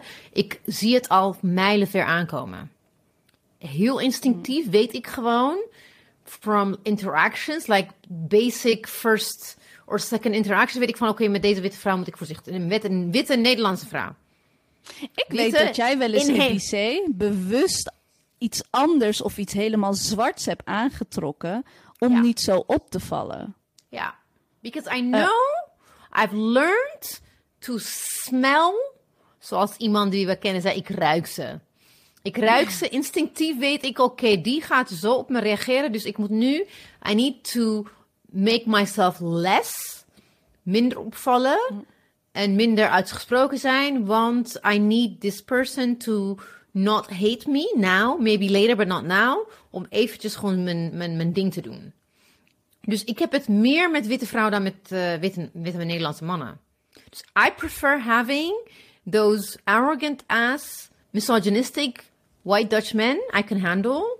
Ja, jij kan er ook echt, echt om lachen. Gewoon mannen van. Ja, met vrouwen denk ik. Ik word, ja. met vrouwen denk ik van we gaan ruzie maken, dan wordt het echt verneigen. Dan. Dan wordt het heel nasty en ik heb daar geen zin in. I don't want to channel that nasty part of myself. Omdat het echt die steken onder water, omdat het zo persoonlijk gaat. Het zijn steken onder water. Wordt dan van, ik denk van, ik, ik ga heel veel incasseren, maar als ik uithaal, dan haal ik uit. Mannen kan ik nog een beetje van, een beetje van me afslaan.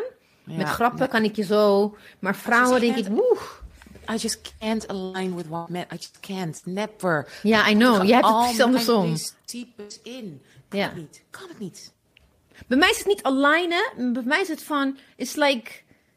Interaction. no, it's like dat, dat, dat, dat heel erg... I think Mina, vrouwen hebben het heel erg. Ook Ethiopians, like... Men are a nuisance, you have to deal with them. Men are in your life.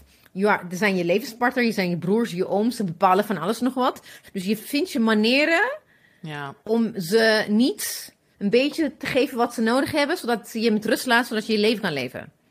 Ja, ja nou, oh nee, dan bedoel ik, dan bedoel ik wat anders. Volgens mij ook, ja. Bij, bij heel, ja. veel heel veel is het zo, maar ik, ik, irriteer, ik vind het gewoon irritant. Want dan krijg je gewoon terecht, terecht. Pes. Ja. ja. Zij hobbelen maar lekker door. Nou, helemaal, helemaal waar, klopt. Kijk, op werk, werken, ik werk alleen maar met vrouwen. Niet alleen maar als zeg maar cliënten, maar ook als mensen. En dat is gewoon de afgelopen zoveel jaar altijd geweest, omdat maatschappelijk werk is. En ze werken gewoon heel veel vrouwen. Uh, maar ik heb echt niet dat ik. Uh, de enige keer dat ik echt. Ja, nu omdat mijn man het is, maar echt cis hetero. Ongeacht kleur. Ik heb die uh, hetero mannen heb ik gewoon echt niet in mijn leven, tenzij ze familie zijn. Uh, en dat is mijn broer en mijn vader verder. Maar wat echt, um, hoe ik wel een hele leuke, weet je, ik kan heel gezellig met mijn, uh, met mijn witte vrouwen collega's. Maar ik denk, het is bij mij minder zeg maar that I got angry, but I got uh, upset because ik had hele. In mijn twintig dacht ik echt zo van: oké, okay, if women get together, we can do this. En volgens mij is dit altijd wel geweest met elke beweging dat je denkt: oh, oké, weet je. Uh, we gaan, uh, volgens mij zijn wij vrienden en kunnen we dit samen doen. En then the way they.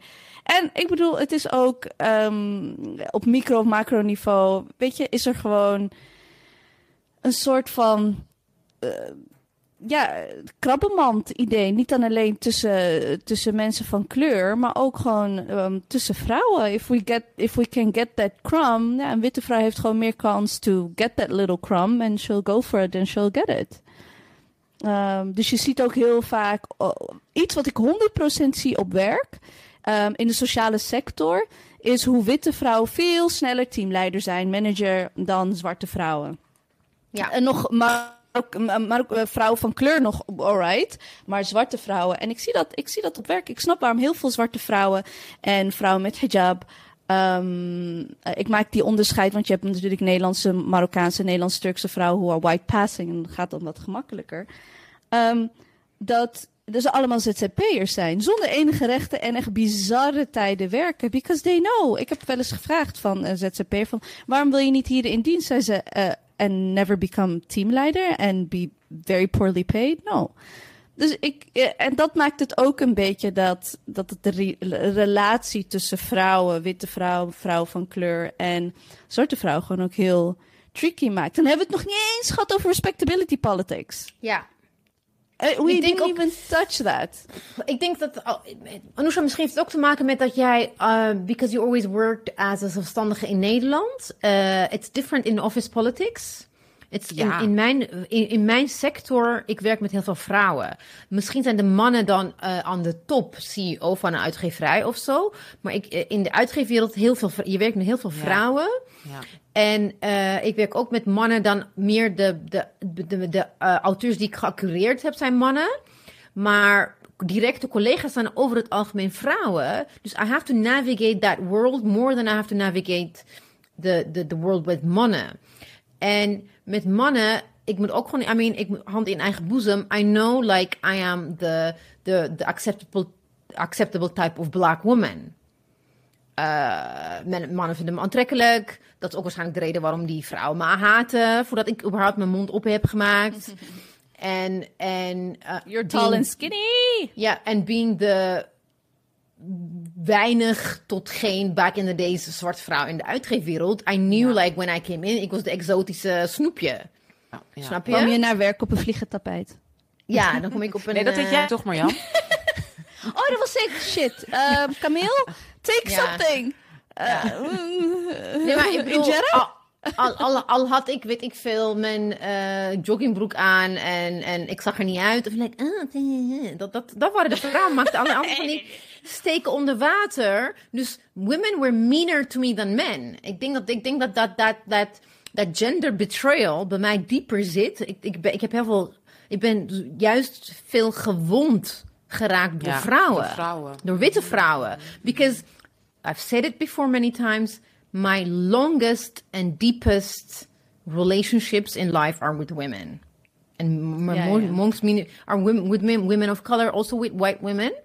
Maar daardoor snap ik dus niet, als ik, maar ik ben een vrouwenmens, maar in mijn professional life en daarbuiten, mm, vrouwen reageren heftig op mij, dus dan, dan, dan niet, weet je wel. Ja, Dus dat- dat is die- die dat duality bij ja, mij. Dat is, dat is natuurlijk heel erg krabbenmand. Dat is natuurlijk heel, Ja. heel erg krabbenmand. Oké, next one, before, voordat we helemaal hier in een rabbit hole belanden, is wat, eh, wat ik las. I mean, we, we wisten het, maar ik wist niet dat het een soort van is, zoals SAD, ehm, eh, affective disorder. Seasonal. Seasonal affective Seasonal- disorder, toch? Ja. Eh, heb je de from pet to threat syndrome? Pet? Ik to threat? From pet to threat syndrome. Eh, ik vond een artikel. Het, ik ga het eventjes een stukje voorlezen, if you don't mind. In 2013, University of Georgia professor Dr. Keisha Thomas identified a phenomenon that adversely affects the career arcs of black women. Dr. Thomas found that early in their careers, women of color received and benefited from the support of their managers and mentors, often white males, who were eager to train and cultivate them. But as these women became more competent and confident in their roles, their mentors' attitude often changed. Support dissipated, and in many instances, the mentors became indifferent or even hostile to their mentees. Dr. Thomas termed the syndrome as going from pet to threat. Black oh, women seen initially as likable, moldable novices became more suspect as they grow in their jobs and they exert the influence and authority they have earned. Their increased agency is perceived to threaten the status quo in a culture typically dominated by white males. Even as these women are on the cusp of advancing, they lose support and access to career bu- building opportunities. Heb ik vaak meegemaakt. Oh Dus my ik god. vond het heel interessant. Ja, ja heel Eh, herkenbaar. ja. Maar weet je, ik heb wel vaak het idee, zeker ook op werk, maar ook in vriendschappen en ook, laten we wel wezen, ook in relaties. Het zegt heel vaak heel veel ook over de ander. Hè? Dus als mensen Ja. op een bepaalde manier op jou reageren, heeft het heel vaak te maken met hun eigen onzekerheid of met hun, met hun natuurlijk cultureel. Dus er spelen culturele, maatschappelijke en uh, etnische, raciale, hoe je wil noemen, componenten spelen natuurlijk ook allemaal mee.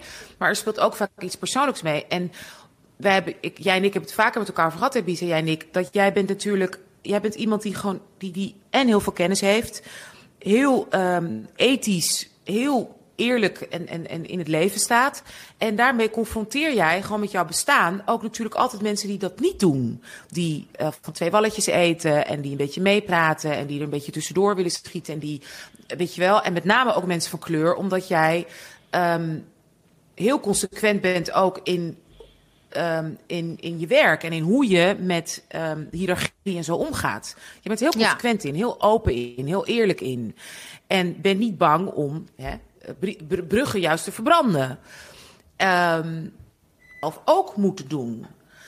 Terwijl, dat heb, volgens mij hebben we dat ook alle drie. Zeggen we ook altijd alle drie in onze podcast en alles. hey, ja. weet je, het is een luxe om dat ook te kunnen doen. Dat is, ook een, dat is niet alleen een keuze, het is ook een luxe. You do you. En wij zeggen juist 9 van 10 keer, wij supporten ja. Altijd. You do you. Altijd.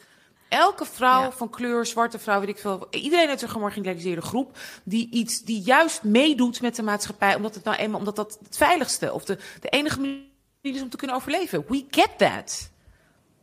Maar dat werkt natuurlijk ontzettend confronterend voor veel mensen. Omdat je ze dus altijd uh, bewust maakt van het feit dat zij dat dus niet doen. Weet je, het is een soort. Mo- exact. Het is een soort morele. Uh, uh, het is een. een, een, een ja. ja. En dan verpest je moreel, het voor ze. lastig, pijnlijk, grijs gebied. Wat voor heel veel mensen ontzettend confronterend That's is. the thing. What? Oké, okay, ja, klopt. Maar wat ik dus niet snap is like. One of. Most of like. Niet most. Oh, kijk, kijk hoe reageer. Je hebt gelijk. Um, is that I also have friends who work. Weet ik veel op de Zuidas. Who ik heb ook vrienden die hoe vote VVD, but we're still friends, weet je. Ik snap het. Vriendschappen ja. en hoe je naar een persoon kijkt hoeft niet te wijzigen, because we we see the world in a different way. We can't all be card-carrying Marxists. Dat kan niet. Uh, en het hoeft ook niet. Nee, maar jij bent volgens mij niet. Nee, I get it, maar jij bent niet iemand. Ik heb gewoon, als ik nu even gewoon hè, met, met jou wel eens heb geïnteracteerd in groepen ben jij niet iemand die dat uitzet. Dus ik weet bijvoorbeeld, toen wij met al mijn witte vriendinnen, als wij dan een lunch of een weet ik veel etentje hebben, zijn er weinig onderwerpen. Dan zie ik Marjam eerder nog denken, kijken van, oké, okay, hier ga ik even niet op in. Laat lekker zitten. Laat die vrouw of die persoon maar dat of dat zeggen. Ja, not my fight. ja, Weet je, not my pony, not my circus. Ik niet. Ja. Jij doet dat minder. Het is voor jou heel. Ik, ik zie jou nooit denken, joh, not my pony, not my circus. Hoppa, daar ga je. Snap je? Ja. En dat is, dat is Ja. prima. Ik, hey, I love it. I respect it. Ik lijk meer wat dat betreft. Me, ik, ja, ik, ik, ik zou dan ook eerder eieren voor mijn geld kiezen. Ik, ik weet heel Ja. vaak in welke spaces ik wel of wat niet, of wel of niet ga zeggen. Of het zin heeft, heb ik er zin in. Ja. En dat doet ook wel eens pijn. Ik heb nog steeds wel eens gesprekken, wat ik zeg, dat ik gewoon wakker lig van. En ik had dat wel moeten zeggen. Ja. Maar dat is dan Ja. wel de prijs die je betaalt. Dat mensen. Dat, dus dan ben je niet. Ah, nou ja, jij, jij, niet dat jij een confronterend persoon bent. Maar jij confronteert mensen met Ja. hun eigen. Hè, eh, dubbele, dubbele bodems. Ja. Of dubbele moralen. Of van, oh Ja. god. Ja, wat minder dat. code En switchen dan- misschien. En dat, dat vinden mensen vaak. Ja. Misschien is dat wat je, is, Ja. is dat wat je doet. Ja. I really count my... En volgens mij ben ik wel degene die vaak tegen jou heb gezegd, Ebice, nu gewoon omdat je het gesprek hebt gestart, van, eh, maar daar hoef je niet op te reageren. Weet je? Ja. En, Exact. maar dat komt Ja. omdat ik heb nog wel eens, zeg maar, dat ik denk, oh ja, ik, wil, ik heb nog steeds dat ik denk aan een tweet die ik eigenlijk wil maken. Weet je? En dat kan er echt twee weken duren. En dan pas dat ik denk, ah, en dan ben ik het alweer vergeten. Of dan doe ik het wel. En ik weet wel dat dat vaak is verward ja, ja, met, ja. eh, met passief zijn. Ja. Ehm, maar dat is gewoon heel erg. Um, no, I do, I do care. Maar ja, ik vind het gewoon heel vaak heel oninteressant wat wordt gezegd op microniveau door voornamelijk witte mensen, mannen en vrouwen. Um, it really, en zoals Anusha mij wel eens heeft gezien, it really doesn't. I'm already zoned out. It's so irrelevant. Um, because there's ja. already so much bullshit. Ja, dat. Ja. Um, maar, dat komt, uh, maar dat heeft te maken met ik geen, niet per se een interactiezoekend persoon ben. En, en sommige mensen wel. So I don't even, like, het it begint bij mij al met, ik hoef niet eens een gesprek met je te hebben. Um, because, you know, I don't, uh, ik was liever, ik was sowieso liever al thuis gebleven. Eén. En dat heeft niet te maken met wie er zijn of wat dan ook. But that's just because um, I'm lazy like that. Um, en, dan, en dan maakt het. Ik, vind het, ik heb het soms wel erg gevonden dat mensen dachten van ja, en waarom tweet je niet dit of waarom zeg je niet zo en waarom ben je daar niet zo hard in ingegaan? Is because I really can. Maar als ik op een podium sta en ik heb de microfoon, I'll make sure to say what I have to say, want ik hoef de microfoon niet weg te geven. Maar ik ga niet, uh, ik hoef, it, it's not. En volgens mij is het voor sommige mensen fun. And that's their right. En gewoon leuk om een beetje provoceren, een beetje prikkelen. En I'm just like... Oh. Ja, ik, ik, ik moet wel zeggen, het thing is... That's the thing. Er zijn momenten waarvan ik, ik zit ook gewoon soms... It's just a sport. Niet per se in, in, in interacties met mensen zoals bijvoorbeeld op jouw... Uh, op een verjaardagsfeest van vrienden of familie. Nee, dat is, dat is wel vanuit een bepaalde soort uh, rechtvaardigheidsgevoel. Maar when it comes to Twitter and people I don't know... Mm -hmm. I'm like... Weet je dat? Nee, oké, maar kijk, ik kan me voorstellen dat als je dat doet bij mensen dat you don't really know or care about op een feestje of wat ik veel, dat je dat natuurlijk ook doet, bij, helemaal doet bij onderwerpen waar you care about en op je werk. Snap je? Nou, en dat, dat, en nogmaals, je hebt gelijk, maar je weet, zoals ik zeg altijd in Amsterdam, gelijk hebben en gelijk krijgen. Ja, klopt. zijn twee verschillende dingen. Ja. Helemaal maatschappelijk. Ja, dus snap je dat je gelijk hebt, betekent niet dat je ook zo zult worden behandeld. En dat mensen er blij mee zijn dat jij uh, met een, nu met een, met een, met een morele eikpunt en met een waarheid komt. Zeker niet op het werk. En dan als, je, als we dan blond waren geweest en blauwe ogen, dan waren we nog wel grappig. Ja, bijvoorbeeld, the thing is also, I'm like, you know, like, I'm like borderline petty. I have, I have like the... Ja. Als je een man bent, dan, dan een witte man, dan zou je het opgeven. ik denk echt dat ik ben blij dat ik... I'm like the person that I am. I'm a, at the end of the day wel gewoon een caring person. Want if I let my pettiness helemaal volledig Woe. gaan... Burn it all down, baby. Want ik moest denken, ik, zag, ik was weer laatst op Facebook, I don't know what I was doing there. Ik zag gewoon uh, foto's van mensen die ik heel lang geleden ken. These are like people of color that I used to hang out with when we were all studying when I was like, I was like cutting classes they were studying. En ik las wel gewoon heel veel, want mijn vader had een abonnement voor mij gekocht van Newsweek en Time, alternating. De ene week kreeg ik Newsweek, de andere week kreeg ik uh, Time Magazine. Dus ik las heel veel, het is allemaal wits nieuws natuurlijk, maar ik las wel heel veel over world politics. Everything that was going on everywhere, was ik heel erg van op de hoogte in mijn late teens, early twenties. Dan kom je op een feestje waar de helft heeft, uh, is stoned, de andere helft is aan het drank. En we zijn allemaal met dansen en hip-hop, RB, whatever. Ga ik beginnen. En ja, en, en weet je wat er in Nicaragua is gebeurd? ben ik. oh, wow. Ja. Oh ja, that one. And yeah, that's like yeah. with a new group of friends. Whereas when I was with my, my friends from high school. Wij zijn dus Eugenie, Mona, Vivi. We komen bij elkaar. Iedereen heeft een boek. We gaan gewoon lezen in een, in een restaurant. Nobody En nu zeggen ja, waarom doe je zo ongezellig met je boek? I'm like, because I want to read. Jullie zeggen niks interessants. We zijn gewoon aan het hangen. Ik wil lezen. Wat is er mis mee, weet je? Ik, dus I felt in a way like... Ik was niet gepest of zo, maar... There were these people die zeiden van, ja, daar ga je weer met je... Het is heel vaak een Ebise, why do you care? Wat maakt het uit? Nee, waar maak je druk om? Nou, en eh, waar maak je druk? Nou, en zoals ik, eh, misschien wat ik zo ben opgevoed, natuurlijk zeker vanuit theaterschool alles. Ja. Know your audience. Je bent they're my friends. Tegen wie zeg je het? Ja. ja. Next one I wanted to talk about. Within um, workspace heb je ook natuurlijk de pick-me gedrag. Als er meer dan hmm. één in een witte omgeving, if there's more than one women of color or black woman, komt dat hele pick-me gedrag uh, manifesteert zich. Of je bent solidair met elkaar? Of ontstaat dit rare dynamiek waarin een vrouw van kleur of zwarte vrouw zich afzet tegen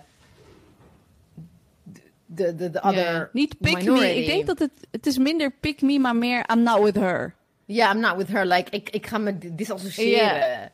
Hebben jullie daarmee te Ik maken dat is wat ik vaak heb gezien. Ja. Ik heb het... Niet ik, ik zozeer heb, eh, pick me. Ja. I'm not with her.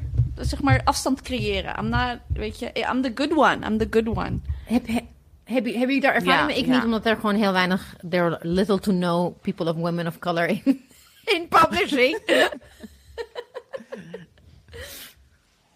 Ja, Marjam, jij? Ja, en ik heb altijd gezegd, go, go for it. And you'll be very unhappy. ja. Oh, what, uh, oh, what else? Ja. Ik denk dat dat nog wel, maar dat is op kle- laag niveau. Ik bedoel, dan heb je het over, dan ben je met z'n zesde stagiair en dan wil je een werkervaringsplek. Ik denk dat dat nog wel komt. Ik denk dat dat nog wel, wanneer ik mijn uren moet maken als, als psycholoog in een, binnen een organisatie of weet je, binnen de universiteit, ehm, dat dat wel heftiger wordt. Ik, ik merkte wel al van toen wij onze masterscripties moesten gaan kiezen, dat mensen wel heel erg een beetje over elkaar heen vielen om to get the most pre- prestigious project. En ik dacht alleen maar met welk project kan ik gewoon maakte mij op een gegeven moment niet eens meer uit. Ging het om ADHD, gaat het om veiligheid, gaat het om zelfbeeld. Maakte mij helemaal niet uit als ik maar iets kon doen met kinderen van kleur en jeugdigen, weet je wel. Ehm, en dat maakt het. En ik wil het echt niet zeggen als like een bedweterig persoon of wat dan ook. But it will really set you free. ja. Snap je? Echt een not care om gewoon te denken van ja, ik ga gewoon mijn eigen doen, ding doen, mijn eigen pad kiezen. Eh, ja, nee, ja, het is echt. Ja, is it the biggest cliché? Our most cliché is a little bit true. Maar ja, ik ging gewoon niet. Ik ging niet eh, eh, vechten om. Weet je, ik wil bij die project en ik wil bij die onderzoeker of wat dan ook. Nee, ik ging echt letterlijk naar informatiesessies en vroeg: kan ik dit combineren met eh, vragen en dit combineren met ras? En dan was het nee, nee, nee, totdat ik er eentje heb gevonden die dat wel wilde doen. Ja, dat telt voor mij. Een hele leuke vrouw, witte vrouw. Ik ben heel erg benieuwd. Ehm, Bianca, shout-out. Eh, een voorzichtige shout-out. Because she is the type who would listen to this. Like, I, I'm like, I'm not even. Shout-out. Hallo Bianca, I we love, love you, you. Bianca. Love you, Bianca. You, you better be good to her though, otherwise we'll come for your ass. nee hoor. We zijn niet violent. Dus dat ik niet dacht zo van, eh, eh, please pick me. Ik dacht zo van, who can I pick? en ja, eh, dat is eh, een luxe positie. Alle disclaimers die we al hebben gegeven. Het is, eh, ik wil Je hebt ook levenservaring, hè? Vergeleken met wat de. Ja, jongeren- het is echt, ehm, Ja. het is echt om, ja. En wanneer ik dat niet deed, nogmaals, ik was, had bijna een burn-out en ik moest nog 26 worden. Snap je? That's, Hmm. not, that's, that's not okay. Hmm. Ehm, dus ja, Ja. ik, het gaat allemaal een beetje. Ja, don't, het don't voor pick jou, me if you don't want to, because I won't pick you. ja. Nee, Hoe is het voor jou in, in Hilversum? Eh, nee, ik bedoel, heb, natuurlijk, ik heb heel vaak meegemaakt dat mensen juist ehm, hè, in het publieke debat, in talkshows, mij juist gingen afvallen. Ik bedoel, letterlijk eh, in talkshows, eh, zwarte vrouwen die zeggen, ook ik vind het heerlijk als ik negerin word genoemd. En als mensen het over mijn billen hebben. En ik ben hartstikke blij met Zwarte Piet. Dat heb ik letterlijk meegemaakt. Oh Ja, dat is Ehm, ja, zwarte vrouwen, actrices, collega's. eh, of die doen niet zo Mannen. moeilijk. Ja, maar ook vrouwen. En Ja. hey, precies Ja. wat Marjam zegt. Een paar jaar later, ik bedoel, ze bij negen van de tien. Ik bedoel, ze- ik kan iets zachter, jongens, bij het opnemen, sorry. Ehm, sorry hoor. Ge- gelukkig, de meeste van die personen. Dit zijn er niet, het zijn natuurlijk niet tien geweest, maar nou toch echt wel een stuk of vijf. Ehm, en bijna allemaal zijn ze erop teruggekomen. En heb ik later excuses gekregen. En ehm, ze, dat ze inderdaad ze, dat ze dachten dat die kruimel eh, genoeg was. En dat ze het wel zouden redden met die ene kruimel. Eh, ja, dat eh, is pijnlijk. En, nope. En die, nou ja, waar wij het zo vaak ook over hebben in onze show. Hè, solidariteit en elkaar ehm, Ja. vertrouwen en met elkaar. En dat, probeer, en dat is leuk, dat probeer ik in New York altijd heel erg te doen. Ik heb onwijs veel contact met jonge makers, jonge vrouwelijke makers. Ik ben echt een beetje een moedertje voor allemaal uh, jonge stagiaires en beginnende producers. Uh, ik ga morgen toevallig weer met een meisje lunchen. En daar hou ik echt heel warm en goed contact mee. Wat wij altijd proberen te doen bij jonge mensen. Om heel erg hè, to instill that and to hear. Ja. Want inderdaad, die luxe van je eigen pad kunnen kiezen. Uh, snappen waarom je iets navigeert. Maar ook wel eens vaak jonge mensen hebben begeleid van... oké, okay, waarom doe je dit? Ga je nu even mee in het systeem... zodat je later dit of dat of dat... of wat het... Uh, dan, dan moet je over nadenken. Moet je strategisch over zijn. Moet je brainstormen, moet je bespreken. En, en, en moet je uh, um, zelf, aan selfcare doen. Dus als je dat doet, hè, als je besluit mee te gaan in een bepaald systeem. Want je kan nou eenmaal niet anders. Moet je daarnaast wel voor jezelf een pad maken waarin je voor jezelf kan zorgen en aan selfcare doet. Je moet weten wat de prijs is. Hè? Elke prijs uh, die je betaalt. Wat, wat is die waard? Wat levert die op? Wat lever je daarvoor in? En hoe kan je dat compenseren voor jezelf? Dat is heel belangrijk.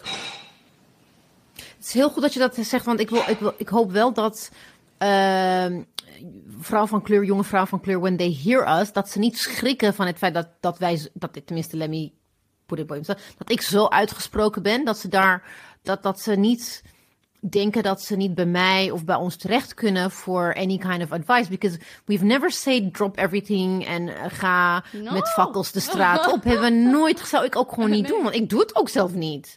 Weet nee. je wel? Dus I do hope that people will still feel safe enough with us om, om daar gewoon uh, hulp vragen. Ja, en volgens mij zeggen we dat bijna elke uitzending bespreken ja. we dit en hebben ja. we het hier over. Ja, want ik, ik merk, ik, ik, er waren een aantal mensen die ik laatst ontmoette, die zeiden van, oh, je bent van Dipsaus. Ik dacht van, oh my god, ik ben niet, ik ben niet eng. Weet je, dan denk ik van, like, do, yo, I'm not a scary person. Oh, die personen dus deden een beetje dat... zo van, oeh, oeh, oeh, spannend, eng. Ja, dat ik van, like, oké, okay, hoe moet ik hiermee omgaan, weet je wel? Moet ik blaffen? Dame. Pittige. Pittige dame met een pittige kapsel.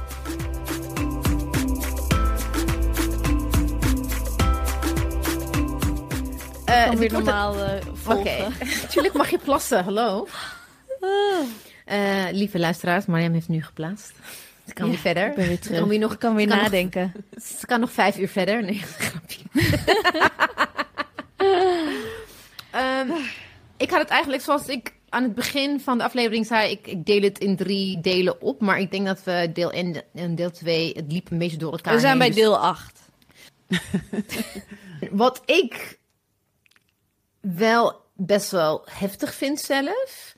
It was semi-professionally and also like in vriendschappen is like rivalry amongst women of color. And uh, in friendships waarvan je, dat, ik denk dat jullie ook wel weten over wie ik het heb. Er zijn een aantal mensen waarvan But are they van, friendships? Ik dacht van wel. Until they weren't. Oh, ja, ja, ja. dat ik echt dacht van, oh, oké, okay, I guess whatever insecurities that you have. Ja. Uh, dat, dat heb ik altijd moeilijk gevonden in vriendschap. Ik ben niet jaloers. Ik ben niet een jaloerse vriendin. Ik gun mijn vrienden alles.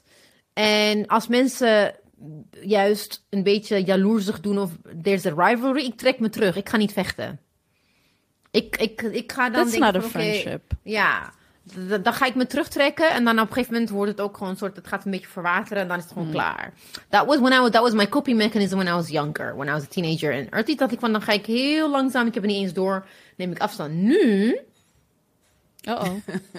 Yeah, I become petty. Nu. I'm petty. I'm petty as fuck. And when I get the chance, als ik hier ergens tegenkom, je zult het weten ook. Dan weet als ik de luisteraars jou pen in beeld konden zien. Waar ja. je mee zwaait. Daarom dus afgelopen vrijdag was ik op een feestje waarvan ik wist één iemand. She was gonna be there. Oh, en? oh, het was heerlijk. Ik liep, het was gewoon een heel vijandige omgeving. I'm not gonna say more than that. For the person with whom I was, was ook een vijandige omgeving. Maar ik wist gewoon, she needed me. And I could care less. Ik dacht, like, I'm 46 less fucks given. I was walking around in een ruimte waar ik niet uitgenodigd was. Dus ik ging gewoon met haar mee. And I was walking around like, oh yeah. And then at some point they saw me, this bunch of women, and they were like, oh, she's here. En zeg, zeg je dan zij juist één... hi? Of juist... Oh nee, okay. nee, nee, nee, nee. Die twee mensen negeer ik, maar eentje, die ken ik. En die in, in een andere setting zou ze naar me toe komen en mij groeten. Het is een zwarte vrouw. I'll tell you her name later on. In een andere Oeh, setting zou ze naar me toe komen. Ja, ze zou naar me toe Voor komen. Voor 25 euro per maand. En gewoon Laten groeten. En hey, dit en dat. Ja, precies. Pay us. Pay us money and you will know. She'll oh, say who it is. Nee, gewoon op eigen titel, niet op dipsaus. 500 ja, euro die Yvonne, maar in, I'll ja, give you the name. Toe, wat die Yvonne doet dat toch ook? voor haar echt, die mensen die betalen krijgen de echte roddels en weet ik veel. Kunnen wij ook doen. Ja, kan ik doen. na, met na, naam en rugnummers. En stiekeme foto's. Kan. Maar she was like heel, heel van afstand van... Uh, deed ze zo. I'm like, oh. Next time she comes to me. En heel uitbundig doet. Nu denk ik van like, oh. Weet je nog? Toen en toen. Die en die boekpresentatie. Where the fuck were you? And this woman is younger than me. Normaal gesproken, I give women of color, black women who are younger than me, I give you a lot of grace. But these kinds of things, nah. Toen dacht ik van, ik zou ook tegen die vriendin van me, oh my god. Ik zei van, oeh, ik ben blij dat ik gekomen ben, dat wordt leuk. anyway, moving on. Friendships and revenge, revenge. Ik geloof in, in, in, in, in justified vergelding. Anyway. Laatste waar ik het wel over wil hebben, en het ding wat heel erg belangrijk is voor ons, maar ook voor onze luisteraars, is levenspartners. Dus being een zelfverzekerd, zelfverzekerd slim woman of color in een relatie, of het nou dating Between of in sheets. No, not just between the sheets, maar also like in dating. Dating instances en in even relationships. Hoe ga je ermee om? Want het is, het is gewoon... eh, ik heb eigenlijk heel veel links gevonden. Je wil niet weten hoeveel links er zijn, omdat het is echt... There are so many... Ik denk bibliotheken vol studies waar, eh, waar, waar het gaat over why men of color and specifically also black men do not date black women. They don't choose black women. Black women are voted the most undesirable women to date. Um, top seven reasons why single black men don't approach black women. Uh, waarom het moeilijk is voor professional black women om aan, aan relaties te komen. En ik, ik, heb, ik ging zoeken over slimme vrouwen. Ik krijg gewoon vanwege waarschijnlijk mijn algoritme black women. Maar hetzelfde geldt denk ik ook voor eh moslima vrouwen of vrouwen van kleur die zich los hebben kunnen wekken van dat patriarchale samenleving waarin we in verschillende geopolitieke locaties, of het nou Nederland is, of Marokko, of Ethiopië, of Rusland. It is so difficult for us to just be us in relationships with, with, with our own kind, maar ook gewoon just in general men. Ik vraag me af, hoe is jullie, hoe gingen jullie ermee om? Do you, what, do you do? Maak je jezelf minder slim? Ga je minder, eh, probeer je tijdens een date niet zo overweldigend over te komen? How? Because really, it's pretty bleak out there. En ik heb het over 2023. Oh no, it's not pretty. Jesus Christ.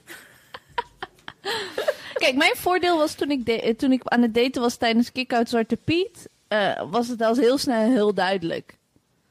Snap je? Ja. Dan wisten mensen eigenlijk al heel snel eh, eh, wat ik deed. En dan hoorde ik nog wel vaak van, oh, in het echt val je wel mee.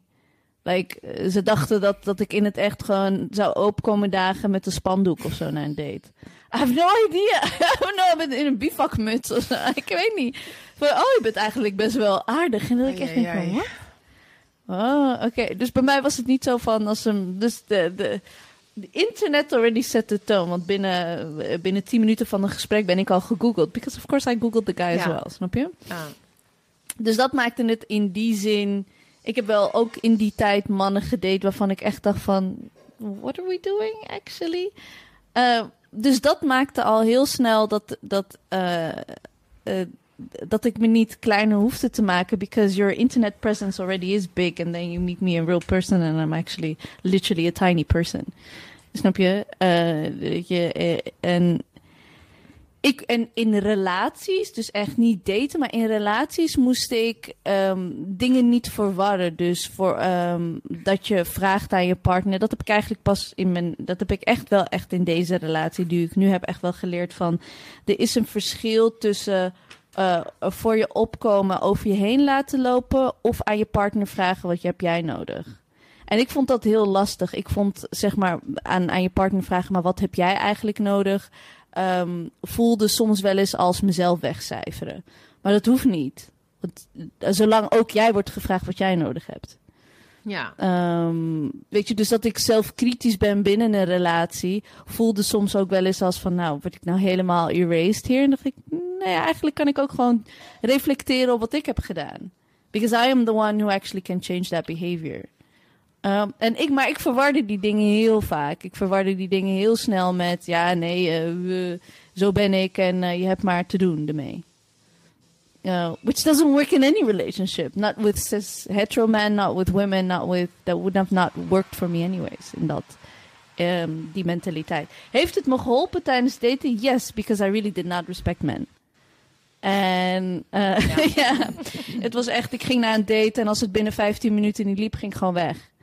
Um, I ghosted. I did, en dat heeft wel geholpen in een wereld waarin jij, jouw hele bestaan eigenlijk, dat je, het, dat je de 33 jaar hebt geleefd, is nog best wel een, een prestatie, snap je? Mm. Dus um, in die context was het voor mij heel erg, heel, heel empowering to treat men like shit. Uh, en dan die omschakeling naar een serieuze relatie, naar een huwelijk, naar een levenspartner. Uh, was soms wel een beetje dat ik. Oeh, dat is wel een uitdaging dan. Ja, ja.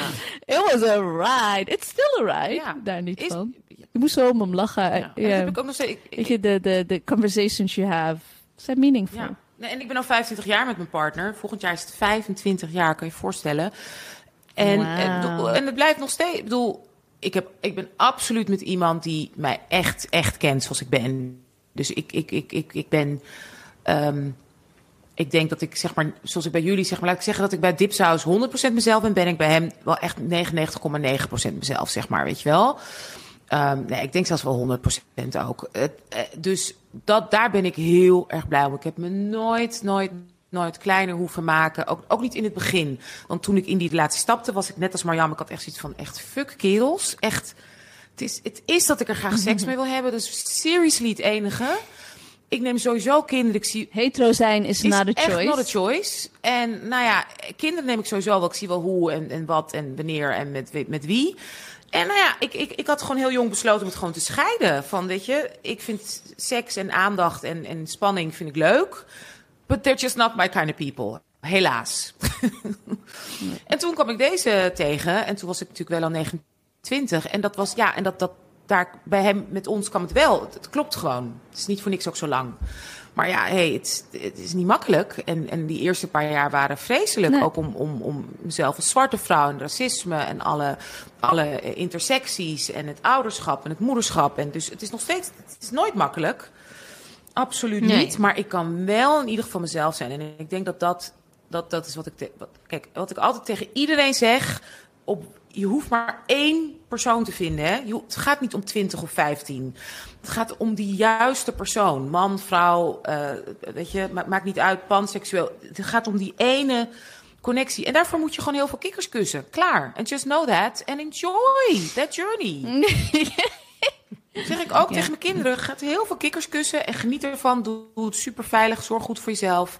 En geniet ervan. Dit, dat, dat hele rare moralistische gedoe van je moet op je 22ste of 24ste of eh, en dan moet dat, dat. Nee, we worden alleen maar ouder. We kunnen steeds langer ook op steeds meer verschillende manieren gezinnen kweken en vormen. Dus take your time. Maar denken jullie I mean, it, it's like it's. I'm not. It's not necessarily like a question I'm asking in relation to your relationships, maar Denken jullie dat wij, dat wij als vrouwen, because of like hundreds and hundreds and thousands of years of conditioning, zo geïndoctrineerd zijn dat we al. Uh, this is also a question that one of my friends raised. Dat we onbewust al toch denken, wanneer we een partner kiezen, dat ze toch ergens op een of andere manier slimmer zijn dan wij. Dat die partner slimmer is dan wij? Ja, slimmer in de zin van dat, dat somebody uh, hoe waar je op een of andere manier, of het nou intelligentie is, of dat je some, some, somebody dat je er tegen, uh, tegenop kijkt. En niet per se somebody who is beneath you tussen aanhalingstekens. Op een of andere manier. Niet per se intelligentie, maar also not necessarily social standing. Maar dat idea of dat from where I come from, that Christian idea of een man is hoofd van het gezin en een vrouw is één stap achter. That's also with the Western society. Ja, ja. Nederland al helemaal. Ja.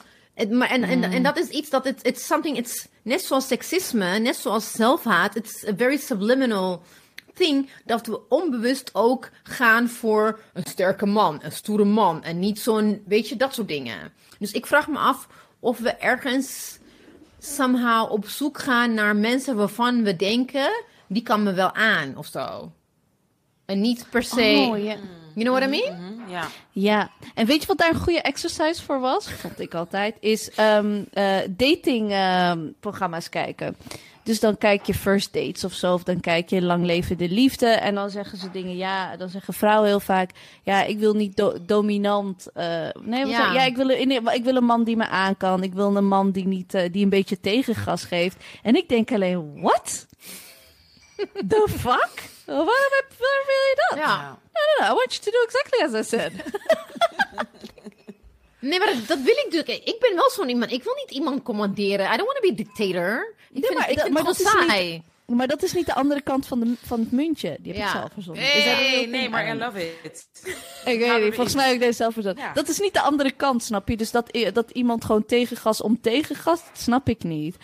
I, want to have an intellectual conversation with you. Het gaat niet om tegengas, het gaat om heb je een gelijkwaardige partnerschap en dus ook een communicatie met iemand. Ben je benieuwd Ja. naar, zijn, naar zijn of haar of, of diens mening? Ben je benieuwd naar hoe die persoon in het leven staat en hoe die over dingen denkt? En hou je ervan? Leer je ervan? Vind je het fijn om naar te luisteren? Ja, precies. En, en but then society has dictated that at, some point dat wij wel, om, tussen- om dat woord gebruik, onderdanig zijn aan een man. En if men are continu, of het nou op kantoor is, of op tv, of whatever, te horen krijgen van they have to be op alle vlakken meer, how do we know dat wij subconsciously op een of andere manier onszelf niet kleiner maken. Of sneller inschikken. Of toch denken, oké, Ja. fuck it, ik ga wel de was ophangen. Of ik ga wel, weet je, dat.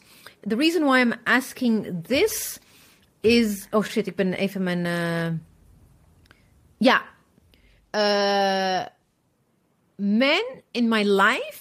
eh, mensen die ik ken, ook relaties... waarvan op een gegeven moment de vrouwen meer verdienden omdat de man even eh, redundant werd totdat hij een andere baan vond.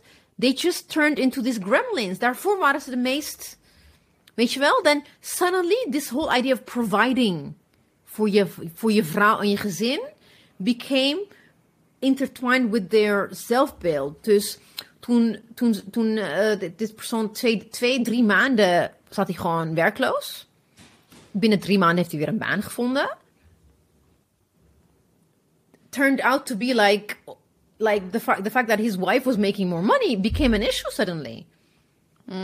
Dus dat is dus ik vraag me af hoe whether do we know how men are going to react in in these kinds of situations or how we are going to react if men are going to be these kinds of like ineens zo'n neandertal van ik moet me voor mijn gezin eh, zorgen.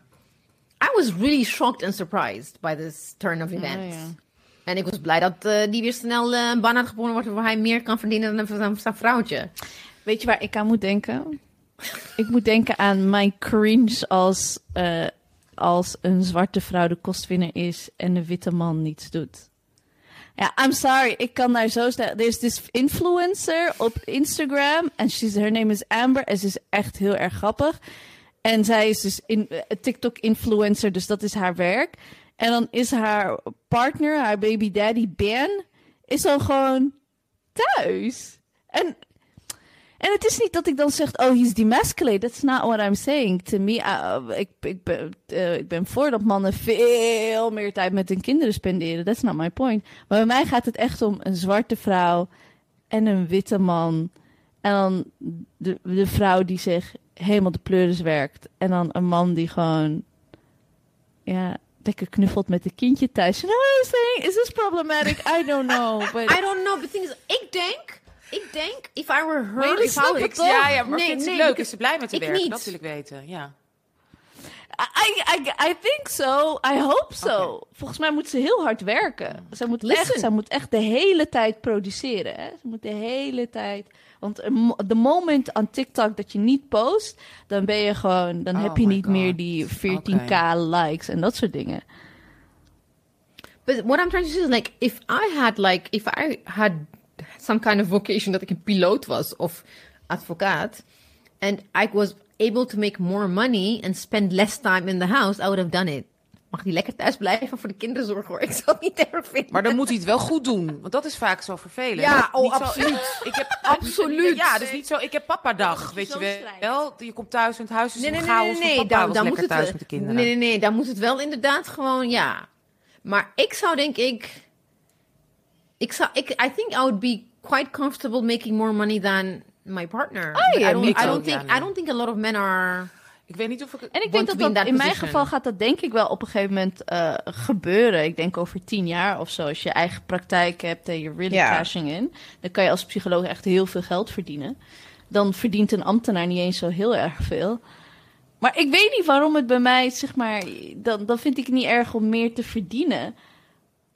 But then, Ja, maar ik wil het wel me, zelf I'm houden. woman who had to work so hard Sowieso. to get where I am. Ik wou net En zeggen, ik vind gewoon... Nee, ik vind... gewoon taking a walk Ja, in the nee, park. bij witte mannen, sorry, nee. Ik vind het gewoon, alleen al gewoon qua reparations. There's no fucking way. Ik ben heel blij dat in die 25 jaar, ik heb af en toe heel goed verdiend, maar ook wel eens niks verdiend. En ik ben heel blij dat ik in ieder geval part op consequentie steeds meer verdiende, want eh, zo moet dat, ja. Oh nee, Mijn witte ik, man I'm, not saying like I, I was. I'm very happy with never having made more money than my uh, Ja, ik husband. heb totaal geen moeite mee. Ik heb daar geen enkele. I have no, I have no. I have no qualms. Maar ik weet wel zeker dat als ik meer geld verdiende, dat hij issues mee had. Ja, weet ik ja, ja, ja, ja, ja.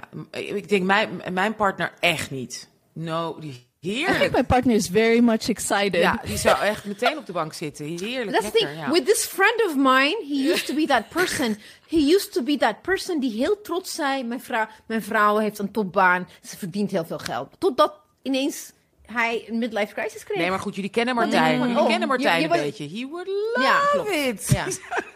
Ja.